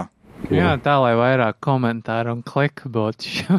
Jā, Clickbait. lai tas add money un tas viss, jā. Ne, interesantā kārtā straikam ir tas Google Analytics, cik es redzēju, bet nav reklāma. Tas tā. Uh, nu jā, tad otrais jautājums ir, kas pēc tautības ir Somijas reperis Meki? Uh, Meki rakstās tā kā pieci burti. Pirmais ir M, tā kā Marta. Otrais ir A, tā kā Anna, bet ar diviem, no ar umlautu, tā kā ar diviem punktiņiem augšā. Tad ir divi K, tā kā Kristīna. Un tad beig, visbeidzot ir I, tā kā Ieva. Tad Meki, kas viņš ir pēc tautības? tu nepateici, ka viņš ir soms. Nē, nē, nē, te ir atšķirība. Es pateicu, Somijas referents Meki. Es neteicu, ka Somija referents Meki. Tā kā Ai, ir starpība. Es nevaru viņu atrast. Kā, kur viņu Wikipēdijā var atrast? Var arī atrast. Var, man liekas, ka angliskais raksts varbūt nav, tāpēc to ne, nemet ārā, bet Ā, ir, varbūt, ir eh, citās valodās. Nu, un jā, kādu spēli mēs varētu dot par šādu jautājumu atbildēšanu? es teikšu, Elēna ir. Ok, Eleonora. Tad, jā. Elēna ir, jā. Uh, Jo, pri, principā, arī tur ir meli un patiesība tajā spēlē. Tā kā Makī droši vien tāds pats ir. Uh, tad tālāk mums ir sadaļa jaunumi. Es ļoti maz esmu publicējis uh, pēdējā mēneša laikā, bet kaut ko es tur iemetu. Pirmais jaunums ir uh, THQ Nordic iegādājas Deep Silver. Man tas liekas ļoti ārģikārni, šis, šis, šis, šis virsraksts, jo nevajadzētu būt otrādi, tā kā Deep Silver tā kā absorbēja THQ, kas bankrotē pirms pāris gadiem, un tagad THQ nopērk atkal Deep Silver, tas ir kaut kā ļoti dīvaini. Tur jau ir tas joks, tas, uh, kurš vispār kaut ko tādu būtu gaidījis. Es, es, es saprastu, ja Deep Silver vācieši, tas Koch kā tas lielais konglomerāts nopērk THQ Nordic kas agrāk bija Nordic Games, bet ir otrādi, kas man liekas pilnīgi ko, kādā veidā, jo Deep Silver izdeva Kingdom Come Deliverance laikam, uh, Agents of Mayhem, Saints Row spēles, protams, Metro, nu, tādas skaļas spēles, kas ir, nu, diezgan uh, kritiski varbūt uh, nopeltas, bet tomēr populāras un uh, zināmas visiem. Nu jā, un tur Tagad man nav raksts priekšā, bet, nu, summa diezgan smieklīga. Tur kaut kāda simta ar kaut ko miljonu tikai. Nu, būtībā sanāk tā, ka eh, Nordic Games, tā kad eh, izpārdeva THQ, viņi nopirka daudzas lietas, daudzus tos zīmolus, visādus Darksiders un tam līdzīgi no THQ, un tad viņi pārdevēja sev par THQ Nordic. Un tagad viņi ir iegādājušies atlikušās lietas, ko Kraitek un eh, Deep Silver nopirka. Bet būtībā, jā, THQ atkal ir, varbūt ne juridiski un tam līdzīgi, bet atkal mums ir THQ. Un iznāks spēles ar uh, to THQ uh, logo. Bet es, uh, tur nebija īsti skaidrs, ir tā, ka Deep Silver turpinās vēl strādāt pagaidām uh, kādu laiku kā neatkarīga vienība tajā THQ Nordic grupā. Nekādas štatu samazināšanas nav notikušas. Un uh, vēl aizvien tiks izdotas pāris lielas spēles, tas būtu Metro Exodus, kaut kas no Volition, tas ir no Saints Row izstrādātāja, un vēl tur kaut kas Red Faction vai Red Homefront, Faction. kaut kas tāds. Kaut kā varētu būt saistāms ar uh, Kingdom Come uh, tā sūdīgiem sēlēm. Manuprāt, tur cilvēki nobijās no tā difficulty curve, ne? Nu, man vairāk biedē tas, ka tas kaut kāds Austrum Eiropas izstrādātājs ir. Nu, pagaidi, nu, tā kā tieši tas Witchers jau arī ir no Polijas. Nu, teorētiski, jā, no Ukrainas ir metro, kas ir labas spēles. Nu, Un ļoti, ļoti sūdīgi optimizēta. nu, tas jā, bet, piemēram, tam mums ir, kas, kas izdeva to Dead, kā, kaut kā sauc to spēli, Dead Island? Jā, Dead Island ir taču vēl uh, uh, mafija, arī jau ir no kurienes, no Čehijas? Jā, bet tre, jā. trešo daļu kaut kas cits izstrādāja, ne? Ne, otro izstrādāja ārpus Čehijas. Es neatceros, kā tur īsti. Tur vienmēr ir bijuši vismaz kaut kāda daļa Čehu iekšā. Ka viņus izplatīja 2K, tas jau īpaši nenozīmē neko.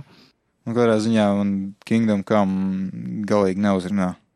Nē, es... man, es sevi redzu, ka es varētu spēlēt šo spēli, bet tajā mans dators nav tik jaudīgs, un noteikti uz 54 šī spēle strādā kā miskast. Jā, tur bija kaut kas, ka strādā 31 kadru sekundē. Tas nozīmē, ka, ka tas sanāk, ka reizi sekundē tiek viens kadrs tā kā uh, kopēts, un tad tas sanāk tāds kā rīstīšanās tāda, kas ir problēma krātikas spēlēm, cik es sapratu, uz PlayStation 4 un uz Xbox. Jā, un es jau tā kā, kad man vēl parastais 54 nopirku trešo Witcheru, un tā spēle vienkārši tā kā degoši miskas strādāja, tāpēc es šaubos, ka šo spēli varētu spēlēt vismaz tuvākajā laikā, kamēr, bet, nu, es varu redzēt, ka es spēlēju kaut ko tik ļoti apnicīgu un garlaicīgu, jo es vienkārši, man patīk tādas spēles, kur ir tā kā ilgs ievads, vienkārši ilgas spēles, jo man nobiedē tie trīs stundu marki. Es parasti skatos how long to beat kaut kur uz 50 stundām, ok, worth my money. Nezinu, es, es tieši otrādi, atkal, jo, šito var iziet pa diviem vakariem, super, tad. Worth. Un visas trofejas 60 eiro, tā Labi, es... tagad jau visas spēles ar 55 eiro maksā Latvijā. Nu, ne visas, bet, nu, pie, kuras var dabūt pie šitiem te tur, pie gaisa tiltas, neteikšu, kā viņas sauc. Pēsiks. Jā, es tur arī paņēmu savu bajonetu, tāpēc, ka viņiem vienīgajiem bija uz vietas. Visās pārējās vietās saku, nē, mēs tomēr nevarēsim dabūt. Nu, mēs nezinām, kāpēc piegādātājs mums nesūta, mēs jau pasūtījām. Jā, kaut kāds sviests. Samaksāt arī vajag par tām spēlēm, ja tikai pasūtīt. Nu jā, dažiem labiem uzņēmumiem te ir, skatījos PVN parāds kaut kāds. Un skatos, ka viņiem jau ir uzlikta zīme, ka izīrē. Nu, tas ir vienai video spēļu bodai Tur Rīgā. runā par to, kas ir tur uh, netālu no ģertrūdas ielas. Jā, Ah, ok. nu, jā. Fenfens droši tur punktu. Nu, nu, mums ir tāda i- īpaši intīma saistība ar šo iestādi. Tāpēc mēs abi diezgan labi zinām. jā, pazīstam īpašnieku, un jā. Viņš mūs neklausās, sēdz nekad tur vairs nevarēšu atgriezties. Nu, es Tāpat jau droši vien nevarēs. Nē, nu, ja viņš zinātu, ko mēs tur izdarījuši, jā. jā. Es atceros, kā mēs toreiz viņiem uh, fórumu. uh, Jā, tas, tas būtu vēl mazāk. Exposed. Bet, nu, labi, nav svarīgi. Nē, nu, es, es, es ļoti gribētu. Es, es, es gribēju pie viņiem pirkt. Es biju gatavs pagaidīt, samaksāt 5 eiro vairāk, bet, nu, un ko lai saka, nu, viņi nevarēja dabūt to, ko man vajag, to, ko es ļoti gribēju, un tad es aizgāju citur nopirku. Tā ir, diemžēl, skarbā realitāte, ka čomiskās attiecības beidzas, tad, kad ir runa vai nu par naudu, vai par kaut kā dabūšanu un tā tālāk. Nu jā, bet mēs aizrunājāmies baigi tālu. Mēs taču pat tieši runājām. Jā, Bet, labi, Tas tur... pats jau vien ir. nu, kaut kas. Nu jā, tieši kā raksts bija tāds eh, ļoti reti, mēs tādus liekam, kaut kas ar biznesa pusi saistīts un tā.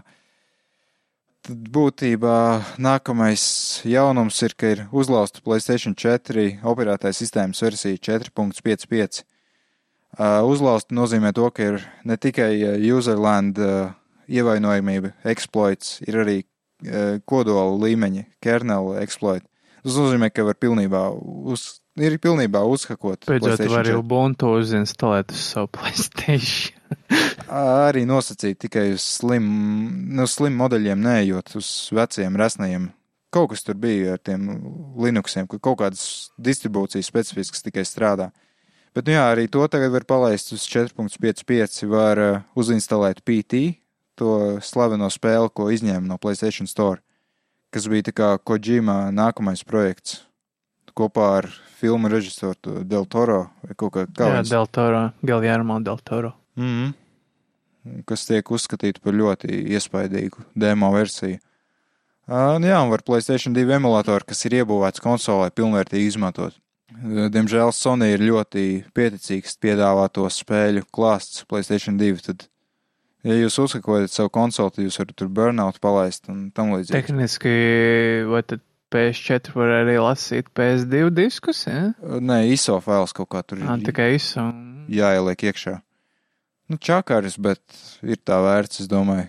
Ja tev vajag tās PS2 spēles, kuras Ja tāpat jūs- tiek pārizdotas visu laiku. Un arī tikt pie versijas 4.55 ir pagroti. Var dabūt vēl šur un tur, bet uh, tas ir čakars. Visielākais veids droši vien būtu pirkt internetā, tad jums ir tās atgriešanas tiesības un tādā veidā mēģināt kaut kā uztrāpīt uz tās versijas. Būtībā, es domāju, arī pirātisms tagad ir iespējams uz tās 4.55, bet tas Sony īpaši neietekmē. Tas pat īstenībā viņiem palīdz, jo palīdz uh, atbrīvoties no veciem uzkrājumiem konsoļu, no, veciem uh, bandliem un uh, kaut kādām limited versijām. Jo tos lietotājs, kas spēlē tiešsaistē, viņi jau sen ir atjaunojušies pāri tam punktam, kad varēja to haku uzlikt. Līdz ar to būtībā šis haks Sony palīdz. Tas pirātisms, kas ir iespējams, ir nu, diezgan procentuāli maznozīmīgs. Es vismaz tā uzskatu. Tad runājot par vēl lietām, kas ir savā ziņā uzhakotas, bet negluži. Tad Sega netīšām izlaiž Jakuza 6 demo versijas vietā pilno versiju.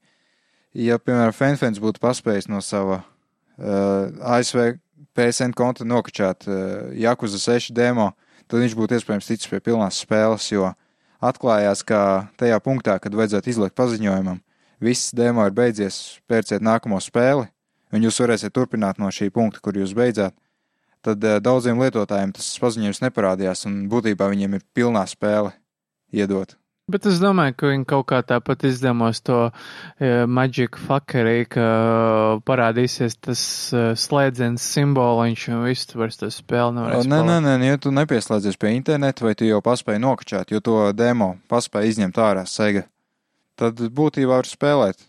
Nu, vienīgais risks ir kaut kas, ka Sony var nobanot, kaut kas tāds klejo apkārt.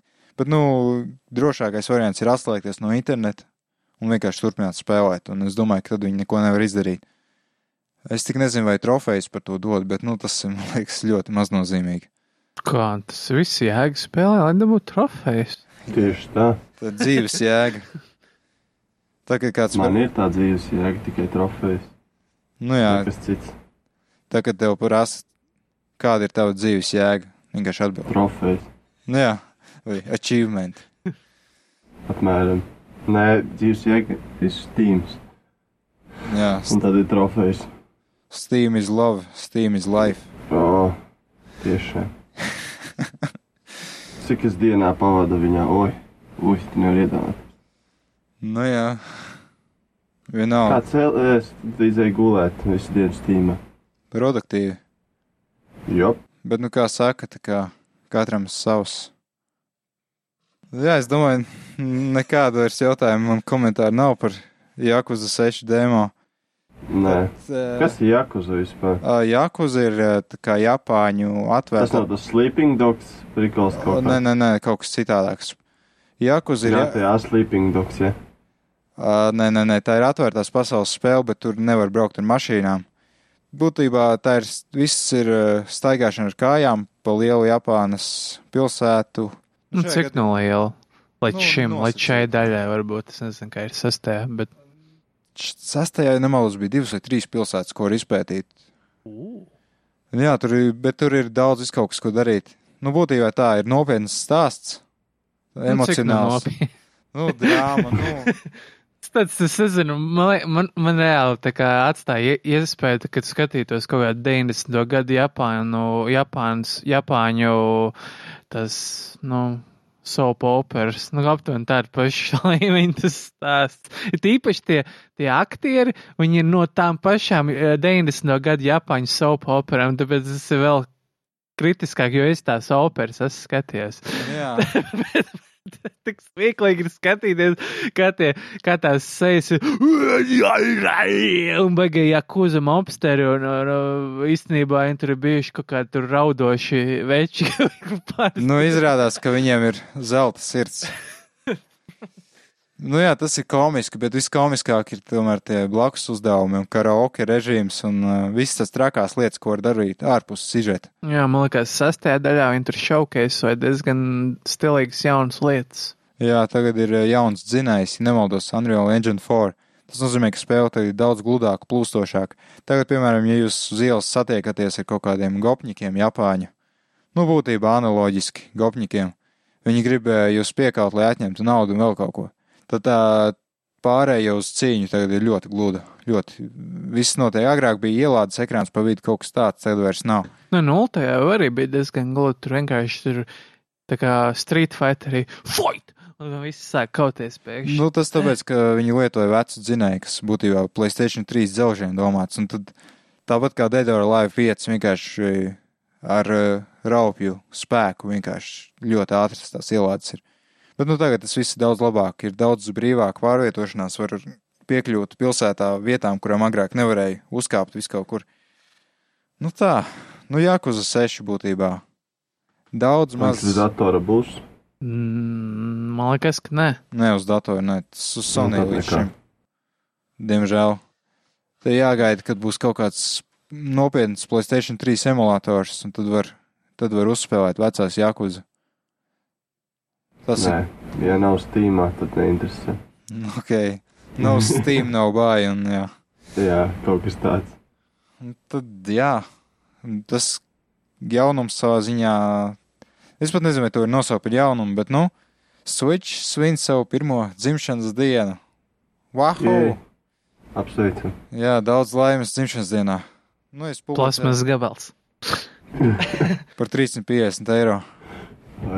Uh, jā, nu es vakar kaut ko ķepu ļepu ātri uztaisīju rakstu. Tur pirms uh, pusnakts vēl paspēju publicēt.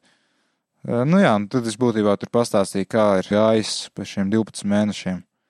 Nu, un secinājums tāds pārsteidzoši labi. 15 miljoni gandrīz pārdot. Nu, tagad jau droši vien vairāk. Uh, visādas uh, ļoti labi stratēģija bija Nintendo izlaist pa vienai lielai spēlē katru mēnesi, tādā veidā izritinot to grafiku. Un, nu, vienīgais izņēmums bija oktobris, laikam, kad iznāca trešās puses izdevēju spēles. Visādi porti jau, Dūma, Elēna Noāra un tam līdzīgi, bet, nu, tomēr mēs saņēmām pirmās 18 plus spēles Switch. Jej. Jā, kas ir labi. Cik viņš tev naudu noplēsa? 350 eiro par konsoli un plus vēl par spēlēm. Cik? Nē, nē, nē tā, tā, es nopirku pirmajā nedēļā, bet es biju viens no tiem, kas nepasūtīja Euroniksā, un tad es samaksāju kam 380. Un tas, Un vēl, spēles, cik maksā? tas vēl bija bez čeka. Laikam es stingrās uzskaitas skvīti dabūju, tikai es maksāju skaidrā, lai dabūtu labāku cenu. Video games. Uh, uh, nu, spēles ir arī pāris simt iztērēti. Uz Switch ļoti maz promo kopijas ir saņemtas. Tā kā, jā. Un es domāju, ka man veikalā pa 320 viņi krāpj mani. Ka mums maksā 320 switch. Es domāju, ej, ja tā jūs galīgi krāpšana. Nu, ja tu, Nepirkšu. Tev tur Anglijā, man liekas, ir baigi paveicies. Tur redzēju pa 280 mārciņām kopā ar Mariju kaut kas tāds. Nu, baigie dīli. Es zinu, ka vienkārši nav. 280 poundi ir tikai parasta konsole, un Marijai kaut kā 340. Nē, nē, tas bija vēl ar visu Mariju kopā. Tas bija kaut kāds Tesco vai kas tur izpārdeva. Vai Argos. Nu, viens no tiem. Argos varētu būt Tesco nepārdot. Tādus ok. Nintendo. Skaidrs. Tesco varētu viņus nozagt tikpat ātri. Nu jā, tur es strādāju tikai imigranti, man liekas. Tesco? Nē, A, kā, kā tur vispār ir? Es nezinu, kurā rajonā tu esi. Un, uh, es neesmu, Ang es neesmu Anglijā. à, Skotijā. Sāks, sāksim ar to. Arī nē. Ok, tad ir tikai viens variants īrijā droši vien. Jej. Nu jā. Kā, kā jums laiks tagad? Beidzās trīs dienu sniegi un viss beidzot vaļā. Veikali vaļā. Veikali, protams, izpirkti visi jau. Es skatījos kaut kādu mīmu, tā kā īrijā mīnus 5 grādi, viss, viss slēgts, nevar nekur aiziet. Mm, nulle grādi jau viss ir slēgts. Somijā tur mīnus 5, tur eh, vēl žāvē veļu ārā. kaut kas tāds. Apmēram. Normāli, normāli. Nu, mums lidosta bija slēgta trīs dienas vispār pilnībā. Tas kaut kāds absurds. Mums tur mīnus 11 grādi visu laiku ir, mīnus 20. Vai ne? Viss notiek kā parasti, vispār nekas nemainās.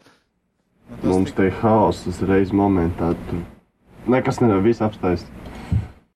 Jā, viss paralizēts. Tā ir. Nu jā, tas laikam viss no jaunumiem, lai arī, lai gan vēl viss kaut kas, es nezinu, bija simtgadē, simtgadu svinības Igaunijai, tur Pauļu Enne, ēsti, nu jā, un tas viss pārējais. Un pats svarīgākais, ka no nākošā gada PSN būs tikai PS4 spēles. Jā, starp citu, PSN plus, tā kā tu domā, nu, PlayStation Vito. plus, Jā, jā, vairs viņi nedos Vito un PlayStation 3 spēles. Es domāju, sen jau bija laiks. Beidz, ne? bet Vita vēl ir cirkulācijā, kā viņi var izslēgt ārā. Nu, Nu, it kā legāli oficiāli ir, bet, nu, Sony jau sen vairs neatbalsta.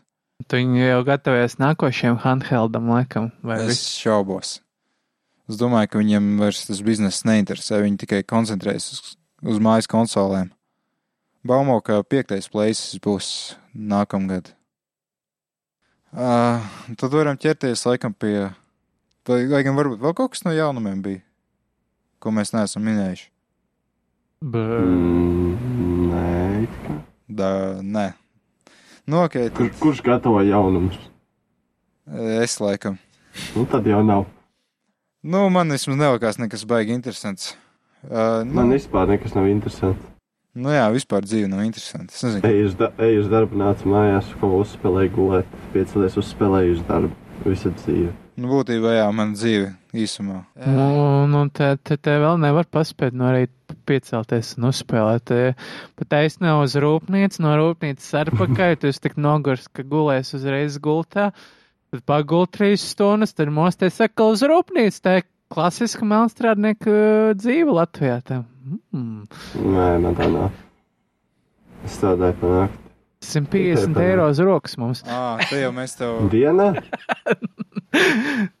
mēnesī, pusotrā mēnesī 150 eiro uz rokas mēs saņemam. Jā, jā. Nebija, nebija.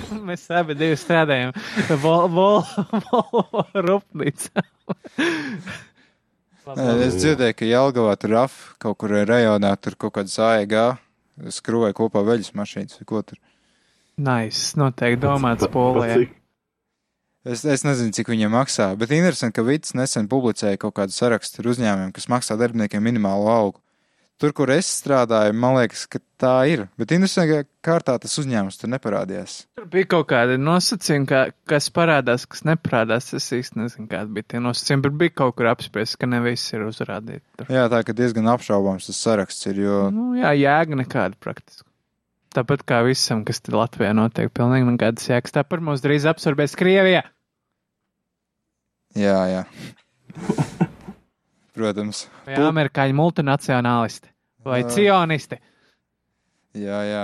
Tā jau genocīdam visvairāk patīk šī teorija. Beidz ar to, ko mēs iepriekš runājām. Man eh, nesen viens notriec uz ielas. Es nezinu, viņam laikam bija Jānus acu vietā vai kā. Es braucu ar riteni. Man, man galvenais ceļš ir viss gaismiņas, eh, viss košās krāsās ir. Es braucu. Man vienkārši viens eh, taisot kreiso notriec. Ar savu interesantā kārtā tas bija Volkswagen eh, dīzels. Clean diesel. Nebija tavējais tas vecais. Vai Nē. kam bija dīzels? Es kaut kad klausījos, kaut kam bija dīzels. Uh, Tas bija, Genocīdam bija dīzels. man nebija dīzels. kaut kam bija kaut kāds Volkswagen Nu, vecs. Eh, Bet katrā ziņā, jā, nu, ja jums liekas, ka man ir bail, man nav bail. Tā, ja tas ir viss, ko jūs varat izdarīt, tad. eh, Jo bija baigi aizdomīgi, viņš tā kā. Tur bija nestlēši tas simbols uz sēņoši. Vai ka, ka, ka, ka, kas vēl ir cionistiem, kas tur pieder viņiem? eh, Intels. Intels Būtībā, ja jūs pērkat Intel produktus, jūs uh, Izrēlai finansējat uh, palestīniešu apspiešanu. Kaut kas tāds. Jēj, es esmu noziedojis viņiem 200 pār eiro. Nu, es, es pirku savu datoru lietot, tā ka neskaitās. O, nē, man šitais portatīvais ar atomu ir uh, ar Intel. Nu, labi, nav svarīgi, nu, katrā ziņā, jā. Tad varam ķerties pie klausītāju jautājumiem. Lai gan nē, pirms mēs to darām, mēs varētu trešo spēli izlozēt. Un šis ir ļoti, ļoti sulīgs. Mm, mm, mm, Jā, interesants jautājums. Mm. Tātad uh, trešais jautājums, par ko jūs varat tikt pie spēles, uh, ir viena pareiza atbilde pieņemam tikai. Kura dzīvnieka gaļai pēc garšas un visādi citādi vislīdzīgākā ir cilvēka miesa? Un uh, kādu spēli mēs varētu dāvināt par šādu jautājumu atbildēšanu? To, kas ir pēdējā. Civilization 6. Nu, super. Man liekas, ka, man liekas, ka jā, 6. Jā, man liekas, tas ir atbilstoši spēlē, kur Gandija ar atombumbu uzspridzina kaut kādu citu valsti. Man pat nav Civilization 6. Atbildes jautājumu. Nē, nē, nē, nē. nē.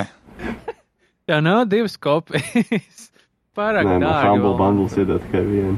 Tev vajadzēja tie humble bundle kaut kādā uh, pavērt. Humble Monthly. Tas Pa jau- 12 dolāru esiem. Tas bija kaut kad sen jau. Nokavēja visu ballītiem. Starp citu, ir uh, iedots uh, Gudmanam apskatīt Rise and Fall DLC, tā ka es ceru, ka viņš kaut kad publicēs beidzot. Un tad uh, klausītāji jautājumi. Pirmais ir no uh, vislielākā spamotāja straikā, kas ir uh, DJ Kikisa. Man liekas, ka otrajā vietā ir tikai Suicide Christ. Diemžēl, diemžēl. Es, bet es nespamoju. Es ielieku tādu svarīgu informāciju. Nē, DJ īstenībā arī kaut kad ielika kaut ko svarīgu. Es nezināju, Kaut kad man vienmēr ir svarīga informācija. Viņa, viņa, viņš ielika šodien kaut ko ļoti svarīgu. Vismaz man svarīgi, ka ir Valkyrie profile vai Val, Valkyrie profile Jā, beidzot, japāniski. beidzot, beidzot, jauna daļa man ļoti, ļoti, ļoti tuvu. Nav, sirsniņai. nav ne jausmas, kas tas ir, Gan bet pro- rakstīts Square Enix. kaut kāds uh, anime vai? Nē, nu, kā, nu, tas ir RPG, no? Ā, spēle. Jā, Un tu jau tad nav old as fuck, kā parasti. Tad nē, jau... nu, šies vēl ir tāds ļoti neaktuāls, vēl nesen iznāca Chronicles. Vai Jā, Chronicles, nē, vai kā pareizi izrunā Continental? Valkyrie Chronicles iznāks martā kaut kad. Es neminēju Jā. savā sarakstā, bet nu tas būs kaut kad. Jā, bet profile, profile jau sen nav iznācis nekas no viņam. Tas ir ļoti labi, man patīk. Un tad būtībā jautājums viņa ir tāds. Jūsu domas un iespaidi par izlaisto Final Fantasy 15 demo uz PC? Tieši par demo vai par tieši par visu spēli? Tas ir demo. ļoti, demo. ļoti šaura tāda tā, tā tēma. Man būtu par, ko, par visu spēli, ko pateikt. Nu jā, man liekas, ka mums nav ko teikt par demo, tā ka tas vismaz. Par visu pārējo spēli, man liekas, tas ir vienkārši loģiski, ka beidzot iznāca uz PC. ka viņiem ir jauki, ka viņi ir papildus tos ierosinātājus pievienojuši, ka ir Origin versijai, kas tur, kāds tur tērps bija.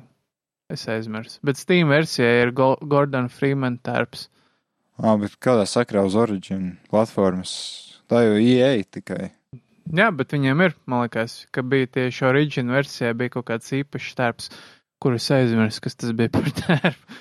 Nu jā, bet labi, es saprotu, vismaz Uplay uzlikt uz PC, nu ko darīt, bet nu ne Origin, ne, paldies. Pagaid, tur taču ir vis svarīgākās spēles, teiksim, teiksim, futbola spēles, amerikāņu futbola spēles, hokeja spēles. Need for Speed. Need for Speeds, nu, paybacks, tas svarīgs spēle, vecīt. Nu. Jā, un fe. Nu, labi, vienīgais, kas man tā kā bišķi jau kaut kā pārbaudīs manas uh, naudas taupīšanas spējas, būs uh, A Way Out. Bet, nu, es tāpat tikai uz PlayStation 4 to pirktu. Uz PC noteikti ne.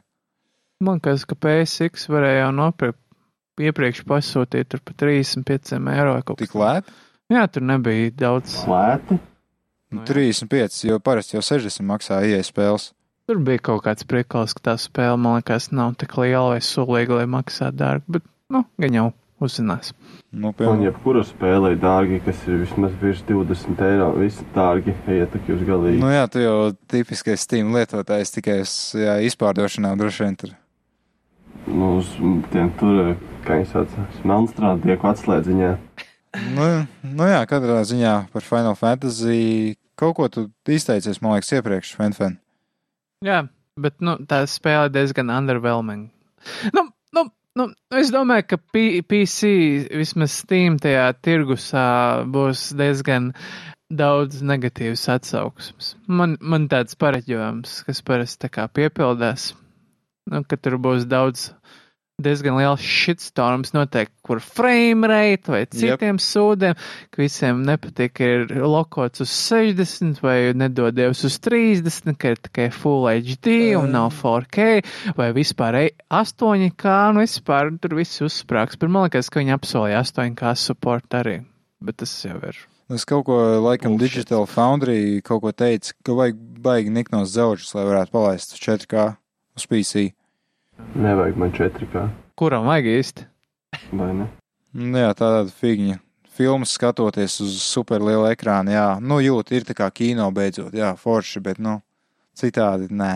Nu, nopērts tos tas lentas un palaid tur sev aiz muguras. CRT ekrāni ir vismaz ilgu laiku bijis starp labākajiem, ko tu varēji dabūt. Tā kā krāsu atspoguļošanas ziņā, reakcijas laika, piemēram, medicīnā izmanto un eh, profesionāli, tā kā TV, tos mazos eh, profesionālos video monitors, tos Sony, piemēram. Es jau eBayā kaut kad skatījos, nebūtu slikti vienu tādu nopirkt, vienkārši retro spēlēm, jo tas pats labākais kineskops, ko var dabūt. Ja šipot uz Latviju, man liekas, ka nešipot tādas lietas uz Kā kurš? Diezgan daudz svērti, protams, kineskopu Nu televizorā. Jā, un tev atsūtīs kaut kāds sašķēdīt. ja neatsūtīs sašķēdīt, tad Latvijas pats noteikti parūpēsies par to sašķēdīt. Jā, jā, vēl paturēs muitā, un tev pēc tam tur jāmaksā vēl kaut kāds ne, ne par ko vienkārši. Man pat no Amerikas sūtot paku neprasīja muitu, nezinu. Kā par brīnumu. Ā, nu, uz Latvijas sūtot vai? Nē, uz īriju. Ā, nu tur varbūt citādāk, bet nu Latvija. Latvijā, kas bija, man nebija naudas. Es Ā, nevarēju neko nopirkt. nu jā, tipiskais stāsts. Tāpat kā mums, Jā, mums tikai min, minimālo maksā. Mēs esam, minimālā nopērk spēles pa 80. Minimālā. mēs nabadzīgi esam. Jā, jā, tas, tas, tas, tas konvertā neskaitās, tas nav. jā, nu, Monstrādiekiem ir konverti. O, genocīdi, man. Piepauzēsim, man jāaiziet Bentleys nomazgāt. Mm, Es to tā ātri jā, jā man, man zelta ķēde tur. nokar. Nē, es vienkārši eh, Latvijas repa spēlēju, baigi izsitos. Famous Latvian repist. Jūs redzējāt vispār? Pārsteigts esmu, cik daudz cilvēku nesaprata. Man likās ļoti ģeniāls tas humors, vienkārši visu cieņu. Kas humoru es neesmu redzējis. Kā YouTube tendencēs pirmajā, otrajā vietā visu laiku jau kaut kāds m, vairāk nekā mēnesis, ne? Nu, manā YouTube ir tikai dank memes un uh, citādi. Nu, tam līdzīgas lietas. Es vispār latviešu saturu neskatos, jo man liekas, Nu, jā, diezgan. sorry latviešiem, bet latvieši nav spējīgi iz, izdarīt neko ļoti kvalitatīvu. Ha! Ah, jā, mēs par to nerunājam. Kaut ko minēja Suicide Christ, ka visiem latviešu youtuberiem lielajiem tagad tos switch sūtīs, nevis tikai diviem. Ā, Vai es kaut ko jā, pārpratu? par to switch runājot, es aizmirsu. Uh, Diviem youtuberiem jau, cik man zināms, ir Nintendo Switch atsūtīts. Jā. Sākumā atsūtīja Spēlējam spēlēm kopā. kopā. Tie bija pirmie, kuriem atsūtīja, un tagad atsūtīja rekur. Funface. Fan, fanface. Bet, Tas bet, ir nākošais būs uzkapājiem, un tad būs Uldons Ru. Un tādā garā, un tādā garā. Uldons, ro! Ā, Pagā, a, ka- a, ka- pa, kā- pa kādām mutēm viņiem sūta tas? ne, viņiem vienkārši tāpat. Ziemassvētku dāvāns vai Ir- kaut kāds. Kas sūta? Ne, ir tas distributors, tas pārstāvis Baltijā un e, Ziemeļvalstīs, tas mm, Bergsalā AB. A, mums nevar arī atsūtīt Nu, tādu. nu, mēs neko- ne? Es tur citu, mums jau martā bija pirmais switch apskats bija. Nu jā, un par ko mēs par to saņemam? Neko! Es maksāju Es 80. pieteikšos pie Nintendo Switch, pie tiem Baltijas kā oficiālais strike pārstāvs, lai sūta man zīrī. Un tie lisie krāni tur YouTube vispār, man liekas, neko atšķirīgāku par uh, uh, šo te playerā nav, nekad nav spēlējuši vai Counter-Strike. Es zinu tikai vi vienu liso buļbīti YouTube latviešu. Es zinu, kurš tas ir. Es zinu, Uldonu Rūt, tas ir, man Tas jau liekas. ir tas pats. Viņš reāli ir spēlējis kaut ko citu, kā Gunter-Strike, man liekas, ka Ne, nav. man liekas, viņš Ne- spēlēja. Need for Speed viņš Jā. spēlē. Wow! Un GTA ar saviem faniem. Es viņu neabonēju, kas jā, jā, es, es arī ne, es arī ne. Ā, man nav uzliks notifications. Bet kas man likās interesanti, tas ir Funface TV, kur viņi atpako tā kā vienkārši mežoņi, pēc tam viņi spēr vēl to paku un. Bet 300 eiro, 300 plus eiro un pavēlti, tad tā kā mešons ar uzvestos, lai tiktu klāt. Es domāju, tur tie zviedri skatās un vienkārši facepalmo. Nav variantu. Jā, būtu, viņi noteikti domā, ka vajadzēja mums atsūtīt viņi, viņi tagad prasa, ka viņiem vajag Elgato atdot, tad viņi varēs filmēt. Bet es varu darīt pirmajā dienā, kad viņi uzfilmēs Mario, viņiem iedos straiku, kopīrēt straiku. Ne, es, Viņiem jau ir nes cik straiki, cik tā var. es kaut kur dzirdēju, ka, ja, ka Nintendo nekad nestrēko tos, kuris uh, tā kā, nu, liek tikai Nintendo spēles.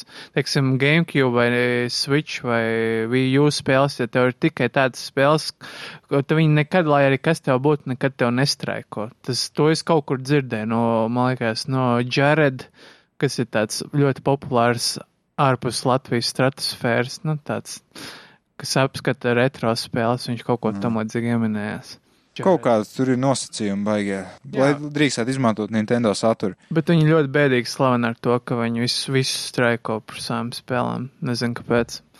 Viņiem nav ko darīt oficiāli, viņi meklē YouTube video visu laiku un straiko. Nu, Viņiem laikam ir tāda taktikas izjūta kā Trumpam vai Hitleram, ka viņi nesaprot to pozitīvo publicitāti, ko viņiem nes YouTube. Bet, nu labi, tad ir viņa darīšana. Nē, man liekas, ka tur vienkārši mākslīgais intelekts vienkārši.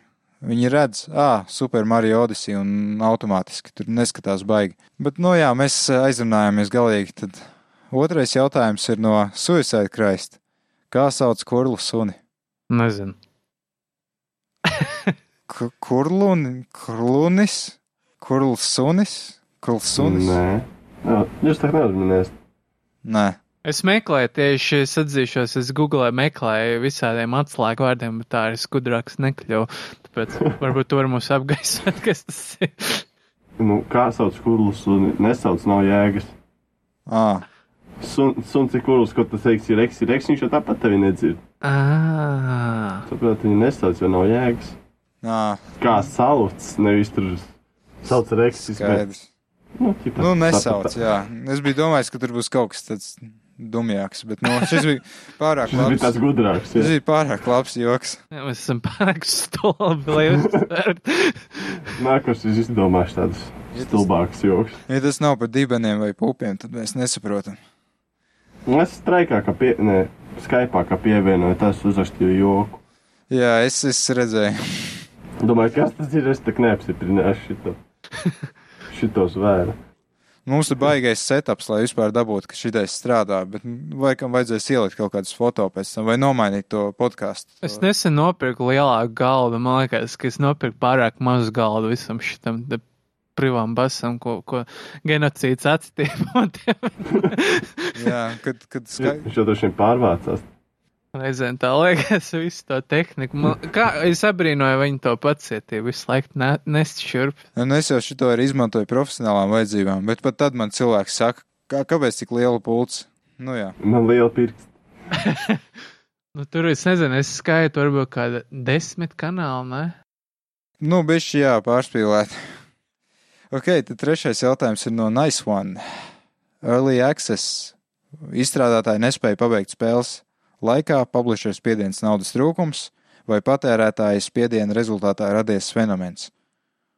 Es domāju, ka pareizās atbildes nav, ka viss, ko minēja, ir vairāk vai mazāk pareizi. Jā, tas ir tāda nekaunība īstenībā, jo. Jā, Tev tas i- vēl cash grabs. Jā, tev iedod kaut kādu pro produktu, nu, teiksim, kaut kādā alfa starp beta stadijā, un, un, un, un, un, un tu redz, o, oh, ir, ir potenciāls, un pēc diviem, trim gadiem vēl aizvien tā spēle tieši tādā pašā stadijā, un tu esi samaksājis 20 eiro. Nu, man liekas, nu, tas ir tāds klasiskais stāsts, vismaz Steamā, es nezinu, varbūt, varbūt kaut kā citās platformās, par kurām es neesmu dzirdējis, ir citādāks stāsts. Nē, genocīds, nezinu, nav bijis saskars. Nē, es, es neatdodu savu naudu par tādu. Nē, man, man ir divas saskars, vismaz abas visnotaļ pozitīvas. Bija, uh, kā saucās tā spēle par cietumiem. Uh, Escapists kaut kā. nē, nē, tur bija tā. Prison Architect. Jā, Prison Architect. Tā bija laba. Jā, Joprojām un, un Factorio. Tas ir divas spēles, kuras nopirka Early Access, un tās spēles ir, nu, labas spēles, bet, nu, ir daudz spēles, kuras reāli pamet izstrādātāji pēc kaut kādiem pāris pečiem, un tu sēdi uz īkšķa sapņodams par saviem 15 eiro, kurus tu iztērē par spēli par rūķīšiem. Tur Steamā ir daudz early access, 12 lapas jau. Oh. Nē, tas nav. Vai nē, vai vairāk. nu jā, un vēl, Tas ir daudz. vēl Steam Direct, kas ir vispār izgāstu. Oi, O, early access. Es nezinu, 3-3-10 Nokijas spēles Steamā. Vienkārši Blood Drift saucās, brauca mašīnu no... Ejiet, tā ir galīgi. Nu jā, viss kaut kas tur ir. Es labāk nebiju minējuši. Tas ir kaut kas līdzīgs Kickstarteram. Tu iedod naudu par kaut kādu sūdu, kur tev visdrīzākais nepiegādās, un pēc tam nezinu, kāpēc sūdzies, kāpēc tev iedod liesmojošu čupu ar sūdiem, kaut arī tu sagaidīji, ka tev būs kaut kāds sakrīgs produkts. Un es ne, reāli nesaprotu to cilvēku loģiku. Nu, nedod naudu, ja tu neesi pārliecināts vai negribi riskēt. Nu, tas tā kā venture, venture business, nu, come on. kā tu, Viena no desmit spēlēm access ir, nu, normāla. Viena no desmit. Mm.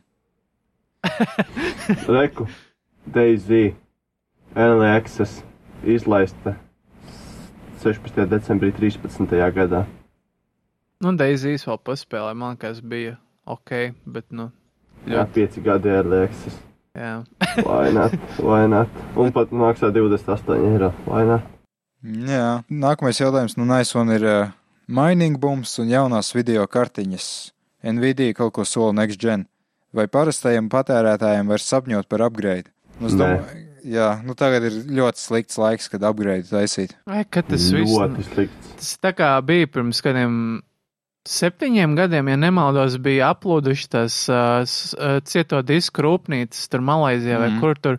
Un bija nenormālākās cenas par, par kaut kādiem 256 gigabaitiem. Es atceros, es samaksāju, ja nemaldos, 50 latus par tādu sūdu Mm, disku. jā. Un tas man bija kā ļoti steidzami vajadzīgs, tāpēc es biju gatavs maksāt tādu naudu. Bet reāli tas ir kaut kas tam līdzīgs. Kā, nu, tagad tas pats notiek, tikai tas ir citādāk. Pa, nu, gan jau pāries un būs tas video kartes atkal maksās tos pašus 300 eiro, kurus līdz šim. Bet man ir aizdoms, ka šis viss arī ir ietekmējis uh, Playstation 4 cenu. Jo es skatījos tur, kur var uz vietas dabūt Playstation 4. Nu, piemēram, slim, ja es gribētu kaut kādu uzhakojumu nu, iegādāties. Nu, jārēķinās vismaz ar 300 eiro. Euroniks vispār ir uh, apbrīnojami. Viņi tirgo slim uh, kaut kādu, laikam, zelta vai sudraba modeli, nu, limited, par uh, vienādu cenu ar pro. Vienkārši, kur ir loģika, es nezinu. Jo Nu, bija, bija viens brīdis, ka varēja, nezinu, 230, pat 240 eiro dabūt slimu. Un tagad atkal, nu, jā.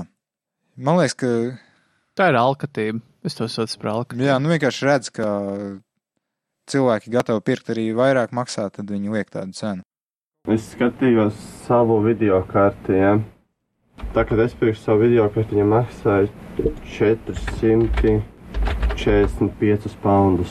Kas kaut kāds 1070 tev ir vai? Jā, tagad viņa maksā tieši 600 poundi par 150 dārgāk. À, tas jau nekas, jo es Latvijā redzēju, viens tirgoja 710 eiro tikai. Un tur teica, jāsteidzas, palikušas vēl tikai četras. Jā, visur izpārdotas, vairs neražo, vispār nekad netiks pārdotas. Viena, viena no četrām pasaulē. Jā.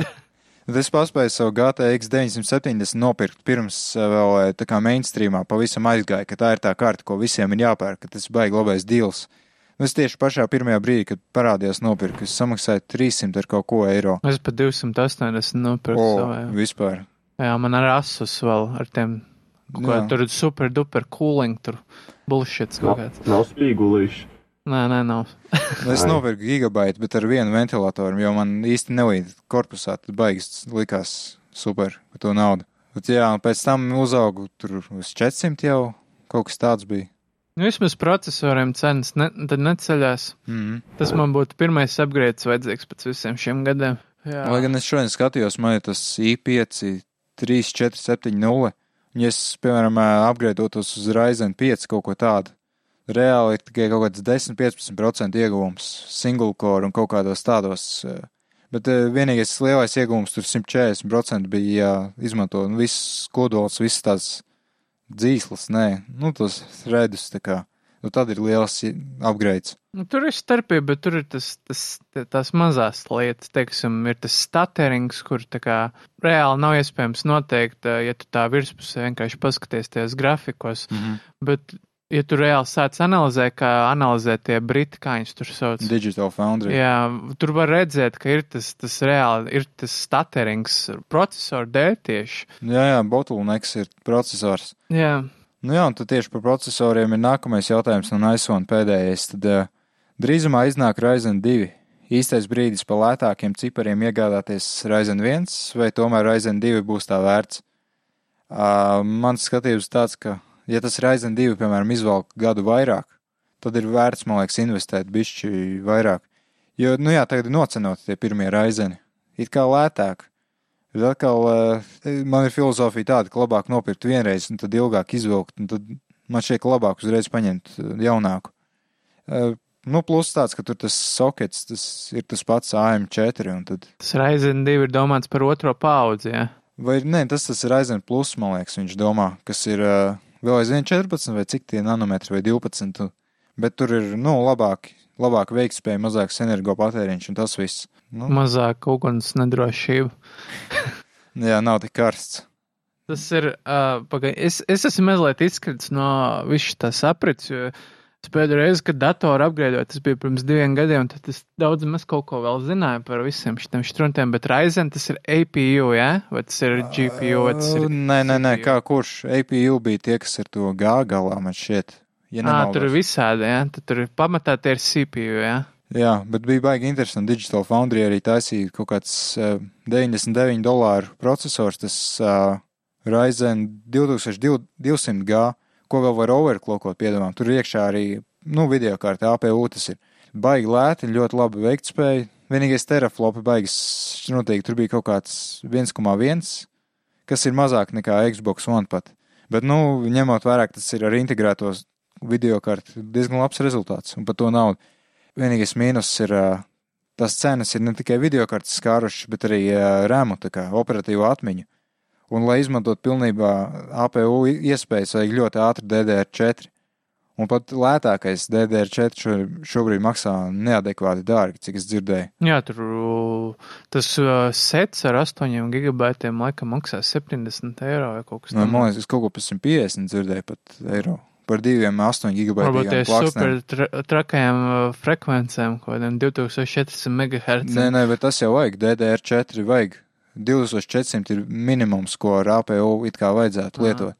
Nu, maksimums 3200. tā kā Nu, man ir 1333 MHz, vēl kaut Nu kāds nu, supervecs. DDR3 vēl ir. It kā pietiek. Bet, nu jā, AMD ir tīpaši svarīgi. Tie, Vāks, pirms desmit gadiem 1333 likās tāds kosmos, tagad tas ir kaut kāds vispār jau zem minimuma. Bet atceries laiks, kad varēja 4 gigabaitu plāksnīt par 20 eiro dabūt. Jā, varēja. tagad uh, Ar četriem gigabaitiem pietika visam. Tu vari Jā. Warcraft paspēlēt, tu vari tur vordiņu parakstīt, vari Photoshop 2, tur Photoshop. varēja pat video montēt tur. Jā, uz mūžiem. Jā. Un XP tikai mazliet lagoja. Nu, tas bija pats labākais. Nu jā. Es, es droši vien, ka, ja es upgrade taisītu, es ietu AMD ceļu. Man kaut kā AMD labāk patīk. Nē, nu man tā cena kaut kā arī likās pieņemamāk, bet man ir ļoti negatīva pieredze ar vienu AMD video karti, ar visādiem artefaktiem un tam līdzīgām lietām, tāpēc man ir, es būšu ļoti piesardzīgs, kad es Mm, upgradeošos. Jā, īstenībā arī, cik man ir bijusi pieredze ar AMD. Nu, to, tagad to vairs nesauc par uh, Radeonu vai ATI, tagad to tiešām sauc AMD. Bija kaut kas, jā, ka tur kārās video kartes un pazuda ekrāns. Un... Nu, nu, lai gan uh, visas konsoles, kuras es zinu, pārsvarā strādā uz ATI rādījuma, tagad AMD bāzes, tā kā, es Mm. nezinu, varētu būt, ka. Switch ir vienīgais izņēmums, ja tur ir Nvidia dzelži, bet viss pārējais AMD un ir kā viss kārtībā. Tad, tad ir vēl viens jautājums. Es domāju, ka mēs vairs neko nerunāsim par Aizenu, ne? es. Mm, nē, es atbalstu Intel. Jā. Brīvība Palestīnai! O, es biju aizmirsis to, vārdu, to vietu, vietas nosaukumu. Nē, nē, nē, tie, Apmēram. tie, nav, tie nav palestīnieši, kas. Lai gan nē, mēdīja jau visu kaut kā. tur tuneļu bumbas, tur visu kaut ko laiž gaisā. To, tā vismaz uh, izrēlieši saka. Ha- Hamas tur, jā. Lai gan tas nekas, ka viņi paši to Hamas finansē, taisīt sūdas un pēc tam novainot. Bet tas tā. Tas tā, tas nav par Eh, spēlēm. Tad eh, Spridits vaicā, jūs domas par Escape from Tarkov? Tarkov, Davai pabēg iz Tarkov. Uh, nu jā, es nezinu, nu. Es, Google paskat, Translate iztolko. nu, es nezinu, kā pareizi vispār. Nu, tā gramatika krievu nepārāk. Bet, nu, pabēg, man liekas, bija izlaušanās, ne? Francijas. Es paskatījos, kā tas Norberts no Funface spēlē. Ne, īstenībā nav slikti, bet, nu, tas kārtējies survival kaut kāds šūteris. A, kas tas ir? Tu, tu vairāk laikam iedziļinājies. Es Es saprotu, ka tas ir tikai online. Tas multiplayer, jā? Jā, jā, jā. Un Tu, tur ir jāizdzīvo. Un tev ir tur jā- jāmenedžē savi resursi, tur lodes jāvāc. Bet tas nav kārtējs PVP, tas ir reāli Nē, PVP. Laikam. tipiski. Mēs kaut ko oriģinālāk nevarētu izdomāt. Es nezinu, ko vēl oriģinālāk es neesmu spēļu izstrādāties, bet kaut kāds kārtējais, es nezinu, survival ar PVP. Nu, come on, mums tāda ir pakaļām pilna. Nu. Vajag vēl pāris.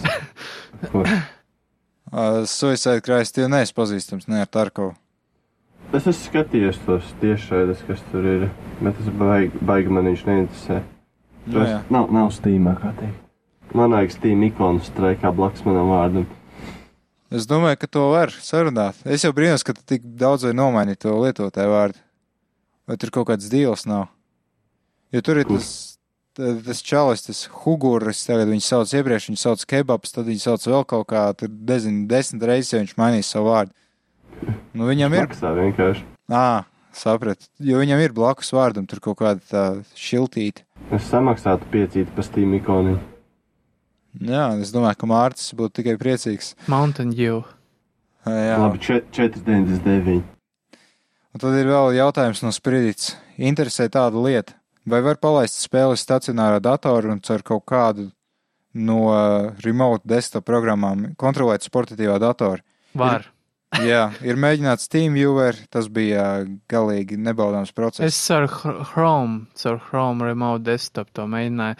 Viss ir atkarīgs no tava interneta ātruma. Tas ir vienīgais. Nu, jā, bet es esmu daudz lietojis TeamViewer, un man liekas, ka skaņa neiet caur TeamViewer, ne? vai es maldos kaut ko. Es neesmu mēģinājis TeamViewer. Bet, nu, katrā ziņā tas ir domāts profesionālam darbam, tā kā IT atbalstam un tam līdzīgi. Uh, drīzāk jau kāds no tiem Nvidia, kā tur tas sauc? Shadowplay vai kā tas? Nē, nē, ne Shadowplay, vēl kaut Suicide Kreis, gan jau zinu, tad taču ir Nvidia. Kāds Jā. tas bija, tas GeForce nav vai kā sauc? Kur tas streamošanas varētu servis kaut kāds Nvidia. Ah, jā, Eh, pareizi. Pagaidi, to pateikšu. Kā varēja uz tā mazā sūdiņa spēlēt, kā tev. Nu jā, uz Tegra, bet tagad jau uz jebkā. Vienkārši streamos. liekas, ka GeForce nav, jā. Es nezinu īsti. Nu, katrā ziņā kaut kāds ir jau Nvidia tajā GeForce experience iebūvēts, uh, ar ko var spēlēt attālināt. Nu, es saprotu, ka, ja, kad pierod pie tās aizturas mazās, tad ir ok. Es neesmu mēģinājis tur neko lokālajā tīklā tā darīt. Es vienreiz pamēģināju ar Playstation 3 un uh, PSP. Tā gan bija miskasta, tas remote play kaut kā saucās. Jā, tas, tas ir nelietojama lieta. Es neiesaku Latvijas reģionā, Baltijas Nē, reģionā. nē, tas ir Playstation nav, ko domā, bet remote play ir tā kā lokālajā tīklā. Ā, tas, jā, tas to es arī esmu. Lai gan man liekas, ka var arī caur internetu, piemēram, tu mājās atstāji. Jā, es laba ideja. es mēģināju visādi, tur nekādīgi nevarēja lokāli lietot to. Nebija iespējams. Vismaz tad, pirms diviem gadiem, kad tas tikko bija parādījies. Kaut ko vēl es dzirdēju, klausījos Igauņu, to Level X podkāstu. Viņi kaut ko tur viens teica, ka tad esot kaut kāds servis arī Nvidia, ka tu vari maksāt, un tu uz viņu serveriem, tu ielogojies tur savā stīmā, spēles jau ir uzinstalētas, tur lielākais vairums, un tad tu vienkārši strīmo un kaut kā tur maksā pa stundām. Sounds like shit. Nu jā, man tas, tas, tas man nepatīk, ka jāmaksā nevis abonements, bet par to, cik tu ilgi. Jā, tā kā Vienkārši datorsalonā. Twitchā streamo mieru. Tā kā datorsalonā vienkārši sēda un maksā 50 centīmus stundā. Oi, vecie labie laiki. Eļiks, Eļiks, uh, Olivetti. kaut kas tur vēl bija, bija uz uh, bruņinieku ielas kaut kāds. Jā, jā, tur mēs gājām. Ā, tur, kur tas vecs masturbē. Nē, nē, bija. Vienreiz mēs aizgājām stabu ielā, kaut kāda kreiso jaunas datorsalons bija atvērties. Mēs tur spēlējām Return to Castle Wolfenstein. jā, jā. Un viņš jā. ir teicis, nu, ķiha, ķiha, vai kaut ko tādu, ka tur nevajag trokšņot. Tur. Mēs pat nevarējām normāli sarunāties. Un tad mēs ejam projām, un tad, uh, laikam, Fenfens redzēja, ka viņš skatās kaut kādu pornos. So. Tas administrators. Ai, tie tik bija labi laiki. Jā. Izklausās, tā, tāpēc viņam Fenfenam tagad jāskatās kaut kādas dokumentālās filmas par tām lietām. Man ļoti kā? interesē. Nu, Tāpat kā psihopāti, mums vajag saprast tos, tos cilvēkus, lai mēs labāk zinātu, kā ar viņiem rīkoties. Ja, piemēram, tev datorsalonā viens sāk blakus, nu, viņš izvelk savu gailu ārā un sāk darīt lietas, kā rīkoties labāk. Nu, tas, tas ir praktisks. Vai pielietot nazi, vai visdrīzāk es vienkārši doties prom. Tā ir mana dilema parasti. Kad es aizēju uz Counter-Strike ballītēm uz uh, Merķeļa ielu, un tad tur pēkšņi viens sāk masturbēt man blakus, man, man ļoti liels šoks, un tad es parasti svārsos starp nazi vai vienkārši iešanu prom, bet esmu samaksājis nav, un tad visdrīzāk es jau nazīts. Nu, tev jāprasa, jāprasa, lai atdod naudu tur. Es vienreiz aizgāju uz kaut kādu šito, tas bija tumšs brīdis manā dzīvē, kad nebija internets mājās. Olivetti? Nē, nē, kas, tas, kas bija tas, kas ir vecrīgā? Eliks. E Eļiks, jā, Eliks, jā. Un tur man likās, ka tā pele bija ar kaut kādu baltu vielu nosmērēta vienkārši. Nu, nu jau tā kā nožūs, jā, bet tāda bišķi lipīga tomēr. Tad-. Jā, Interes, interesantas tēmas mums tie ir. nu jā, nu, bet praktiski, nu, no, no dzīves, zin kā, Jā. praktiskie latvieši. Tikai tas ir šausmīgi, tas ir šausmīgs lietas, ko mēs darījām, bet diezgan labs, nu, tā kā sirdī tūpas atmiņas par to pagātni. To sēdēšanu datorsalonā par Counter-Strike 1.5 spēlēšanu, tas, bija- tas bija jautri. Par auto žurnālu pirkšanu, tāpēc, ka tur bija O. kailas sievietes iekšā. Jā. Tā bija, tā bija lieta. FHM arī. O, jā. klubs. Oi, klubs vispār. Princese. Nē, nē, tik, tik, Geize.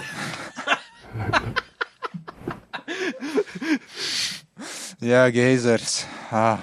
Nezinu tādu. Nu, tā bija Es viena vienīga reize, kad mēs redzējām, Narvesenā bija laikam nokritis tas baltais papīrītis, un tur bija tas speciāli geju erotiskais žurnāls Geizer. Mēs toreiz domājām, varbūt vai nevajag nospērt tā kā, nu. Trikal pēc, ja? Nu, jā. Zini, kā adrenalīns un viss tas. Ai, Jūs zināt, ka man liekas, ka daudz cilvēku, nu, pārticīgi, viņi zog nevis tāpēc, ka viņiem vajag, bet vienkārši tāpēc, ka tāds adrenalīns, tas, tas kaifs ir Pa hais. prikolam vienkārši. Nu, jā. man is the most dangerous game. Vai tas jau pārāk Jā, psihopātiski? tad vajadzētu, laikam, atvērt uh, aktivitātes vaļā, ne? Tur nekā nav, tur ir piespamots. Nu, protams, DJ Kikisa, Es jau teicu, ka tas spams. Far Cry 5, The Fada. Kaut kāds, laikam, story trailers, tas ir par uh, to kultu vadītāju, ne? Mhm. Vispār Kods es-. Es gaidu Far Cry 5. Jā, tas izklausās interesanti. Man tieši tas, tas pēc Trumpa Montāna, tas, Nu jā, jā, jā, jā, un tad ir tas Valkyrie profile, ko es jau minēju. Tas, laikam, cik var saprast, būs jaun, jauna, jauns entrijs. ā, točs Square Enix. Tad jau varēs droši vien dabūt apskatu kopiju. Nu, es ceru, ka tas nav vienkārši smerdīgs remasters, bet, nu, mans cerības vienmēr tiek piedirstas. Tad jau ir. Nu, jā. Tad ir, uh, Ar tu ditu LV. Tas čels ir vārdu mainījis. Es tev saku, viņam bija savādāks vārds. Ā, vai tu viņš nav tikko reģistrējies? Viņam bija savādāks vārds, es taču zinu. Nē, nē, nē, šis ir jauns lietotājs. Viņš ir starp pēdējiem. Tur, kur jau pastāstās eh, komūna un visi lietotāji, viņš pēdējā lapā man šeit. nu jā, viņš vienkārši sevi, sevi, sevi. Sevi Šis ir kaut kas, kas mainīts vārds, tāpēc, kad viņa apraksts skumjas tā par tikt izmantot kā zivju jāsma. Tas vienam profilā tāds pats teksts Nē, bija. nē, tas ir tas eh, noklusētais. Tad, kad tu uztaisi profilu, tev automātiski iedod. Viņš Jā. vienkārši nav samainījis. Ai, es jau domāju, vienam bija tāds, tomēr, nu, bre, nu, suns. Maina profils, netīrais. Bet tev jau var pašam, tev bija Rižā Pāča vienu brīdi, tad bija FTP. Ko jūs? Nebija. Ā, nē, nu labi, es sajaucu, laikam, sorry. labi, labi. Nu jā, nu tad tas ar to ditu LB vienkārši sevi Reklamē. reklamē. Tad ir suicide kraist. Es nomainīju vārdu, ja kas, kā jūs redzat. Jā, lai tev beidzot var citēt, tā kā. Jā, tā es tomēr ieju. O, komentārs par mani nais pirms mēneša. Ā, nu labi, atbildēšu šodien. Jā, tad ir Humble, mum, Mumble, Bumble, Bumble? Marta Mumble, mumble, spēles. mumble. Tos vienmēr ielieku. Jā, tur nekas tāds. Nu, vienīgais Dark Souls jā, ar DLC. Bet Tas ir pārējais aktivizēts. Pārējās spēles satošu giveawayā nekad. tālāk. Varbūt atdošu, ja kādam baigi vajag. Tad beidzot. Jā. Mēs, jā, diskusijā, kurā es iesaistījos arī tur, kur tu teici, ka Steamā Nier automāti ir atlaidi. Bet jā, Jā. es, es redzēju jau Ronixā pa 19 eiro PC versiju. Bet, protams, tas ir disks. Nu jā, tad tur daudzi saka, bet man jau nav CD lasītājs, DVD lasītājs. Uh, man liekas, ka daudzām spēlēm vienkārši kods ir. Kas ir tas aktivizācijas kods, kas Jā, ir diskam, tas jā, arī ir jā. Steam key. tā Tur kā. vienkārši tāda kartīte ar kodu. Tas vienkārši instalācijā, tas disks, lai tev pātrina. nebūtu jākačā no interneta. Man tas pats Skyrim. Man bija, ka bija. tie diskiem ir kaut kādi 3 megabaiti tikai aizņemt no tā diska. Uh, tas ir viss. uh, Konami gadījumā, bet nu normāli parasti ieliek kaut kādus tos 8 gigabaitus uz diska un tad Nu, man Skyrimam bija tā, ka jā, man bija vienkārši ielika, un man automātiski vienkārši Steamā izlaiž tas downloads, un tas vienkārši kāda jēga. Nu, nu man, man patīk, es vienkārši es varēju 8 gigabaitus nekačāt, vienkārši ātri no diska pārkopēju, nu Steam to izdarīju, un tad tikai vajadzēja update, leju pielādēt un viss. Tas ļoti ērti, man liekas, ar disku. jā, Nier automata. Tad ir genocīds. Jā, man liekas, Šis- nav, nav ne, jau nekāda jauna jautājuma, ne? Spridīts pēdējais. Nē, tāpēc, ka pazluda piespamojās un pat noleca lejā. Šitais te nākošajā lapā Nē, tie jau, jautājumi. Tāpat viss, vis, kas gribēja, jau uzrakstīja. To vajag uzlikt kaut kur, es nezinu. Nav, man liekas, tāds iespējas nevis pinot tur Nav, augšā. nav. Vajag uzlikt pagaidījumu. Man liekas, ka arī baigais atbalsts šim podkāstam nav no streika veidotāja puses, jo, nu, mēs pāris sliktas lietas pateicām kaut kādu, nu, es pateicu konkrētāk. Tāpēc arī tas nav oficiālais streika podkāsts. Vismaz kāds runā. Jep. Un Mums bija komunītiski arī, cik viņi iznāca, kaut kādi seši. Mm -hmm. Bet bezcerīgi iznāks vairāk, vismaz desmit. es, es domāju, ka jā. Es sapratu, Ja man būs laba skaņa un man ir kāds uzaicinājums, varbūt kādreiz piedalīšos atkal. tas būs uh, vērtējums ir uh, klausītāju ziņā. Tad viņi varēs pateikt, vai viņiem patīk, nepatīk. Es vispār gribēju prasīt, kas ar uh, Aldi notika. Viņš tā kā vispār pazuda no šitās YouTube lietas, ne vai? Viņš taču nenomira, jā. ne? Bija tas Aldis. Es nezinu, kur viņš ir.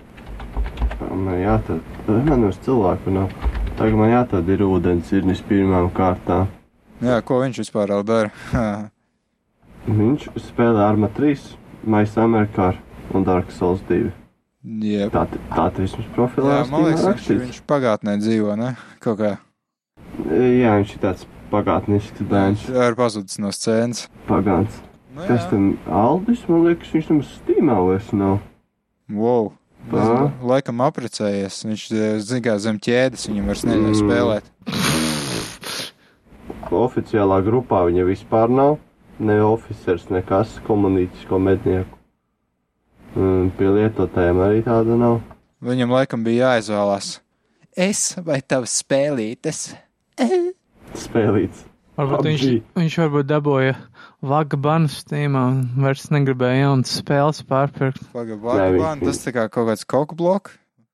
Nē, stīmā, kad čīto tev parādās tāds sarkans uzraksts vaga band. Man vienkārši kaut ko citu asociējās. Tas, jā, tas ir kaut kas tāds, Vaga ko es, es nedomāju, ka kā jebkurš no mums gribētu kaut ko tādu dabūt. Vaga band. Jā, nu es nezinu, visi viņi ir pazuduši vienkārši. Es esmu vienīgais pats dzīvojis. Tas laikam viss no aktivitātēm. Nu. Nē, ir vēl Papers, Please. Man ļoti patīk tā filma. O, Oh, tā ir ļoti, ļoti laba.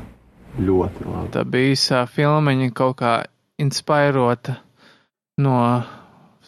Es domāju, ka visi zina spēli Papers, Please. Genocīds, zini? Es zinu, bet es neesmu spēlējis. Nu, tu tur vienkārši papīrs cilā, turp šurp. Nu, Tad- apstiprina tur imigrantus un emigrantus un visu kaut ko tur. Interesanti. Tev laikam nav viedoklis, neskaties. Es pievienoju višu Es neredzēju. Nes, neredzēju to filmu? Nē, es linkums. Dzīvo pagātnē. Jā, tur īsi filmiņa. Nav tā. 20 minūtes, 10 minūtes. Desmit, jā. À. Nu, es tā vietā skatījos, kaut kāds youtuber, tas tavarišs saucas, kaut kāds e, krievu un puerto rikāņu apvienojums. Viņš e, nopircis lētāko Lamborghini ASV un tad viņš činīja tur. Nā, es, likās es, skati, es skatījos nosaukumu video. Kā viņi sauc tačā? Tavarišs Nezinu tādu. vai tavarišs, nu, jā, kā gribu likt uzsvers. Nu, jā, viņš ir Amerikā taisa mašīnas pa lēto pērkt. Nu, tas man likās interesanti, ka Lamborghini izjauc un tu tur sajūgu mainīja. Uztaisa kā Ferrari, ja? Indijā tur no koka vai no kā tur izskāla kaut kāda tur virsbūva uzlikus kaut kāda tur sūda. Vispār, jā, Lamborghini ļoti iecienīti tā kā replikām. Tāpat kā Ford Cobra arī daudz replikas taisa, tā kā uzliek vienkārši plastikāta korpusu virsū šasijai kaut ko tādu. Un, Nu, tas jau tā kā na- naskāros, tur jau arī tā virsbūva ir vienkārši kaut kāds. No pudelēm uztaisīts Mountain Dew kaut kāds prikols. Bez mazvai, nu, tur vienkārši tas karbons ir un viss. nu jā, tur atkal uh, kaut kāds review ielikts par uh, Metal Gear Survive, bet, nu, man liekas, Jims Sterlings vislabāk pateicis. Viņš jau video visu pateicis virsrakstā. Viņš uzrakstīja it's shit, un tas arī viss. Es vienmēr Angry Joe tikai skatos. Ā, starp citu, no jaunumiem bija tas, ka Konami prasa 10 dolārus par ie- save slotu. Tā kā, Jā, tas, tas bija tas Angry Joe, kurš saka, Kikis bija ielicis jau video papildus. nu jā. Tas tā kā pay, pay to play spēlēm vienkārši. Tas Pay to save. jā, tas vienkārši maksā par slotiem, un maksā par to, ka tu vari nomainīt frizūras, maksā par to, ka tu vari, nezinu, sev lielāku mugursomu uztaisīt. Nu jā, klasiski. Nu jā, nu tas ir, man liekas, jauns, bezkaunīgs punkts, tā kā prasīt par saglabāšanos naudu. Nu, es Steamā skatījos vakardien. Bija spēle, kur maksā 60 eiro, neatcerēšu uz nosaukumu. Bet spēles misijas ir kā DLC, un tās tev jāpār pa 11 eiro, 11 misijas. Nezinu, kā tas skaitās, ka tās ir papildus misijas vai kā, bet bija rakstīts Mission DLC vienkārši pa 11 eiro papildus. Es Nice. domāju, stāstījis, jā, nopērts spēli, pseidžas tev stāstījis jāpērk, vai kas tas skaitās. Tās īsti nezinu. Es neiedziļinājos. Reizēs izslēdz to storu lapu, tā iet apvirs. Nu jā, kas mums vēl paliek? Nu, ja mēs nerunājam par kaut kādām aktivitātēm vairāk, tur jau nav vairs īsti, man liekas. Nu Jā, viss ir tāds vecs jau. Nu jā, tad par filmām. Un Fenfen ir vienīgais, kurš kādu filmu ir redzējis pa šo laiku. Jā, nopietni. Jā, es nevienu pašu neesmu redzējis uh, kaut kādu divus mēnešus. Nu jā, mēs bijām ar draudzeni uz Black Panther, kas ir jaunais, jaunā. jā, jaunais supergrāvējs, kārtējs Marvel supervaroņu grāvējs. Nu, es domāju, ka daudz zina, bet nu, es ne, nesagaidu, ka kāds reāli konkrēti zinās tādu varoni kā Black Panther, bet nu, es zināju. Jā, šī filma ir par melno karali Tučaļa. Viņš dzīvo fikcionālā valstī Āfrikā, kaut kur nezināmā vietā, saukt par Vakanda. Ok, Un šī valsts kā pati par sevi nav noslēpta, bet tā, nu, tā kā galvaspilsēta ir noslēpta no publiskās sats ar visādām tehnoloģijām. Tā iemesla dēļ tāda, ka tā ir super attīstīta kaut kāda nākotnes civilizācija, jo tur tie melnā dainie, kas tur dzīvoja, tur nokrita meteorīts ar tādu metālisku savienojumu saukt par vibrāniju. ok. Jā. Izklausās labi, daudz sološi. Un tajā vibrānijā ir kaut kāds tur maģisks vai ne maģisks, bet, nu, superīgs spējas, kas ļauj visu kaut ko, visādus ieročus super attīstītus, izveidot visādas tehnoloģijas, tāpēc viņi tā kā super ātri attīstījās un ieguva visādas tur tehnoloģijas, tādēļ viņi izdomāja, ka viņi noslēgsies un noslēpsies no visas pasaules, un tā, tā vietā tēlos, ka viņi ir super nabadzīga Āfrikas valsts, kas ar nevienu netirgojās un dzīvo pilnīgā izolācijā. Jā, un, un, un, un no šīs tehnoloģijas izriet tāds, tāds augs, kuru iedzerot visi Vakandas karaļi līdz šim ir ieguvuši spējas, ar kurām viņi var kļūt par Black Pantērām, melnajām pantērām. Jā, un, un, un, un katru reizi, kad nomirs karalis, tad stājās vietā jaunais karalis, viņš iedzer no šī auga izveidot ekstraktu, tad viņš kļūst par Black Pantheru un, nu, tā kā ir aizsargs šīs valsts. Tas ir kārtējs Marvel brīnums. Nekas tā arī neatšķirās no kapteiņiem Amerikām simts ierakstiem un, un, un, un visādiem Infinity vāriem un citādiem štruntiem. Bet vienīgais, kas tur atšķirās, ir tas, ka visi tur ir melnādainie. Visi tur notiek ap melnādainiem un ir tas spēcīgais, tas apakš, apakštēma, tā, tā verdzība un ka vajag cīnīties pret to, ka ir pakļauti melnādainiem visapkārt pasaulē un kāpēc Vakanda būdama super attīstīta neiesaistās šajā cīņā pret ra rasu diskrimināciju un tad tur ir tas klēšs kārtējais starp to radikālo melnādaino un piezemēto melnādaino, kurš ir Vakandas karalis Takčala. Klasiski. Kurā laika periodā aptuveni notiek darbība? filmas? Mūsdienās, mūsdienās tur 2018. gada Lexus tiek ļoti ērti izrādīts un, un, un Toyotas visādas, kas ir. Kas ir tas pats Lexus? Toyota? Jā, būtībā, jā. Nu, jā, būtībā Toyota nosponsorēja kaut ko. jā, un tad tur skan uh, elektromūzika visur un ir tāds, nu, pumping, pumping. Jā, diezgan iz, izklaidējuši filmu, manuprāt, bet, nu, nekas jauns. Manuprāt, es nezinu, kāpēc visi cilvēki tā reivo par šo filmu, bet, nu, varbūt ir Melnie tie. beidzot filmā, zini. Nu, varbūt arī, jā, ka ir tas beidzot tas. Nu jā, kaut kāda liekulība atkal tur. Nē, nu, Black Panther jau vienmēr ir bijis melnādainais, bet varbūt tas, ka viņi atkāpjas no tā balto, balto formulas kaut kādā vienā daļā. Ne, nu, zin kā, Baltie kritiķi bieži vien, lai parādītu to, cik viņi ir uh, pareizi un tam līdzīgi, viņi tu- tur raksta visu kaut kādas lietas tur. Uh, labāk nekā tās ir tikai tāpēc, ka tur ir melnie, lai viņi justos labāk par sevi. Nu, varbūt arī jā, tas ir tas Stokholmas sindroms kaut kāds. Bet jā, izklaidējuši, es dotu septiņas balvas, ne astoņas, kā metakritikā tiek parādīts, bet, nu, septiņas. Bija vērts apskatīties. Mēs aizgājām uz Z dienām pašā vakarā. lēto. Jā, bet tur pašā vakarā es biju, un tur tāpat bija miljards cilvēku, tāpēc, nu, tā bija man muļķība. Nu, labi, tāpat bija interesanti. es neieteiktu visiem skatīties, jo noteikti tas ir tiem, kuriem patīk Marvel komiks un supervaroņu filmas kopumā. Tas ir, tas, tas ir tiem cilvēkiem, nevis vienkārši parastiem movie goveriem.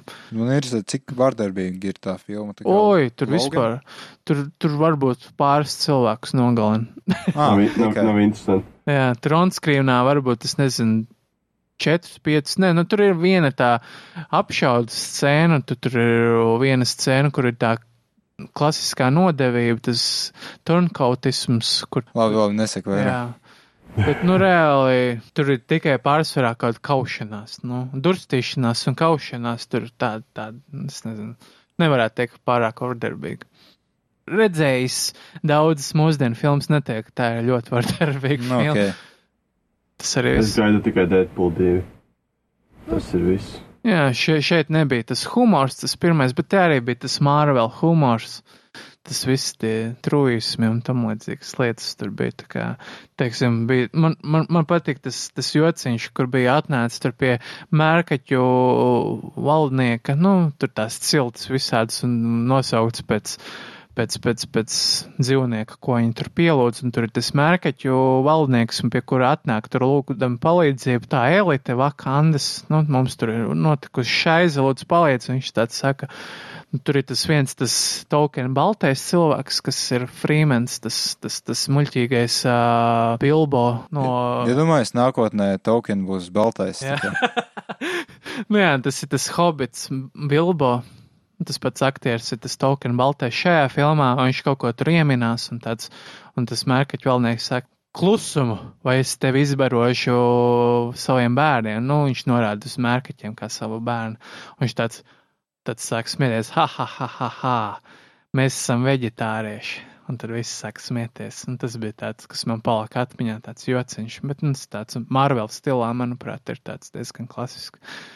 Nebija tik daudz uz humoru, spies vairāk uz tām melnajām tēmām, bet, nu jā, klasiski. Nu jā, tas jau laikam viss tad šai bezcerīgā podkāstu sērijai. Nu, varbūt, ka pat ar trešo cilvēku podkāsts vairs neizklausās tik bezcerīgi. Nu jā, Vai tad, izklausās, cik mēs tur runājam? Tas ir mazliet cerīgi.